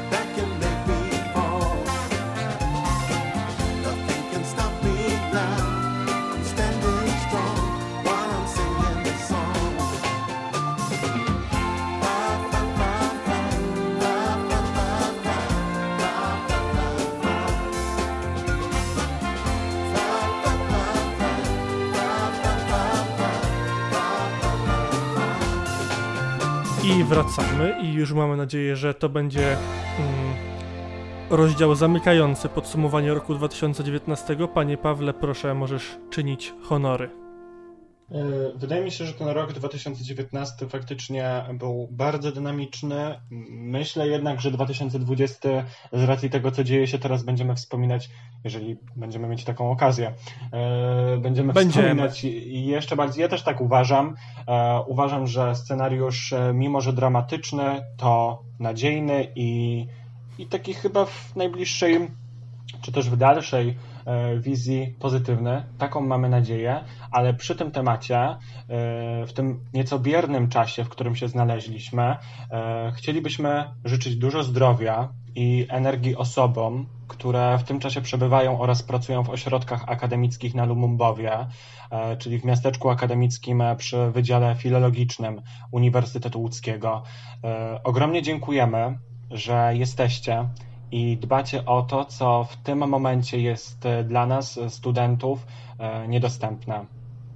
Duże Tak, ja dzięki się- dla Was. Ja się tylko do tych życzeń oczywiście y, mogę dołączyć, bo wypada to zrobić i mam dokładnie te same odczucia co Paweł.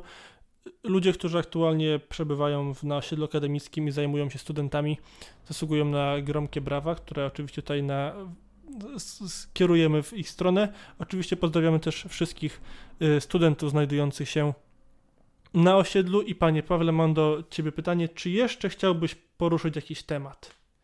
Chciałbym Ci szepnąć e, słodkie, acz gorące Good night, baby. Tak, to już włączamy piosenkę końcową, tak? Myślę, że Żegnamy tak. się? Dobrze, to ja tylko powiem w stylu, w stylu y, pana Wojciecha Mana, który odszedł swoją drogą całkiem niedawno z radiowej trójki, że Ale, ale jaki wszyscy- odszedł, powrócił na Instagramie. no, na, in- właśnie, właśnie, tyle, żeśmy o Instagramie mówili, y, dla Wojciecha Mana byłbym w stanie założyć Instagrama drugi raz, więc obserwujcie sobie, co tam się u niego dzieje, bo to jest Będziemy- perełka.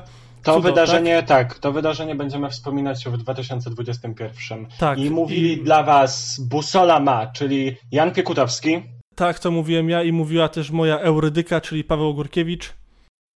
Paweł Ogórkiewicz dla Państwa. Paweł Górkiewicz dla Cześć. Państwa. I właśnie nie dałeś mi powiedzieć, czekaj, nie, jeszcze nie cześć. Jeszcze nie cześć. Bo tak, ja chciałem powiedzieć i mi zabrałeś, że w stylu Wojciecha Mana chciałem Państwu powiedzieć, że jeżeli wszystko dobrze się ułoży, to usłyszymy się w przyszły czwartek, a jeżeli wszystko ułoży się jeszcze lepiej, to z częścią z nas usłyszą się Państwo już w najbliższą niedzielę. I teraz możesz się pożegnać. To Proszę. teraz jeszcze raz, e, tak jak jest tu Kuby Wojewódzkiego. E, dzisiaj byli Busola Ma, czyli Jan Piekutowski, Tak jest, to byłem ja i była też moja Eurydyka, Paweł, Paweł Górkiewicz. Ogórkiewicz. Tak, tak, tak. E, no to co, kochani? Trzymajcie się ciepło, nie wychodźcie z domu, czytajcie, słuchajcie, oglądajcie, żyjcie. Tak. Cześć. Cześć.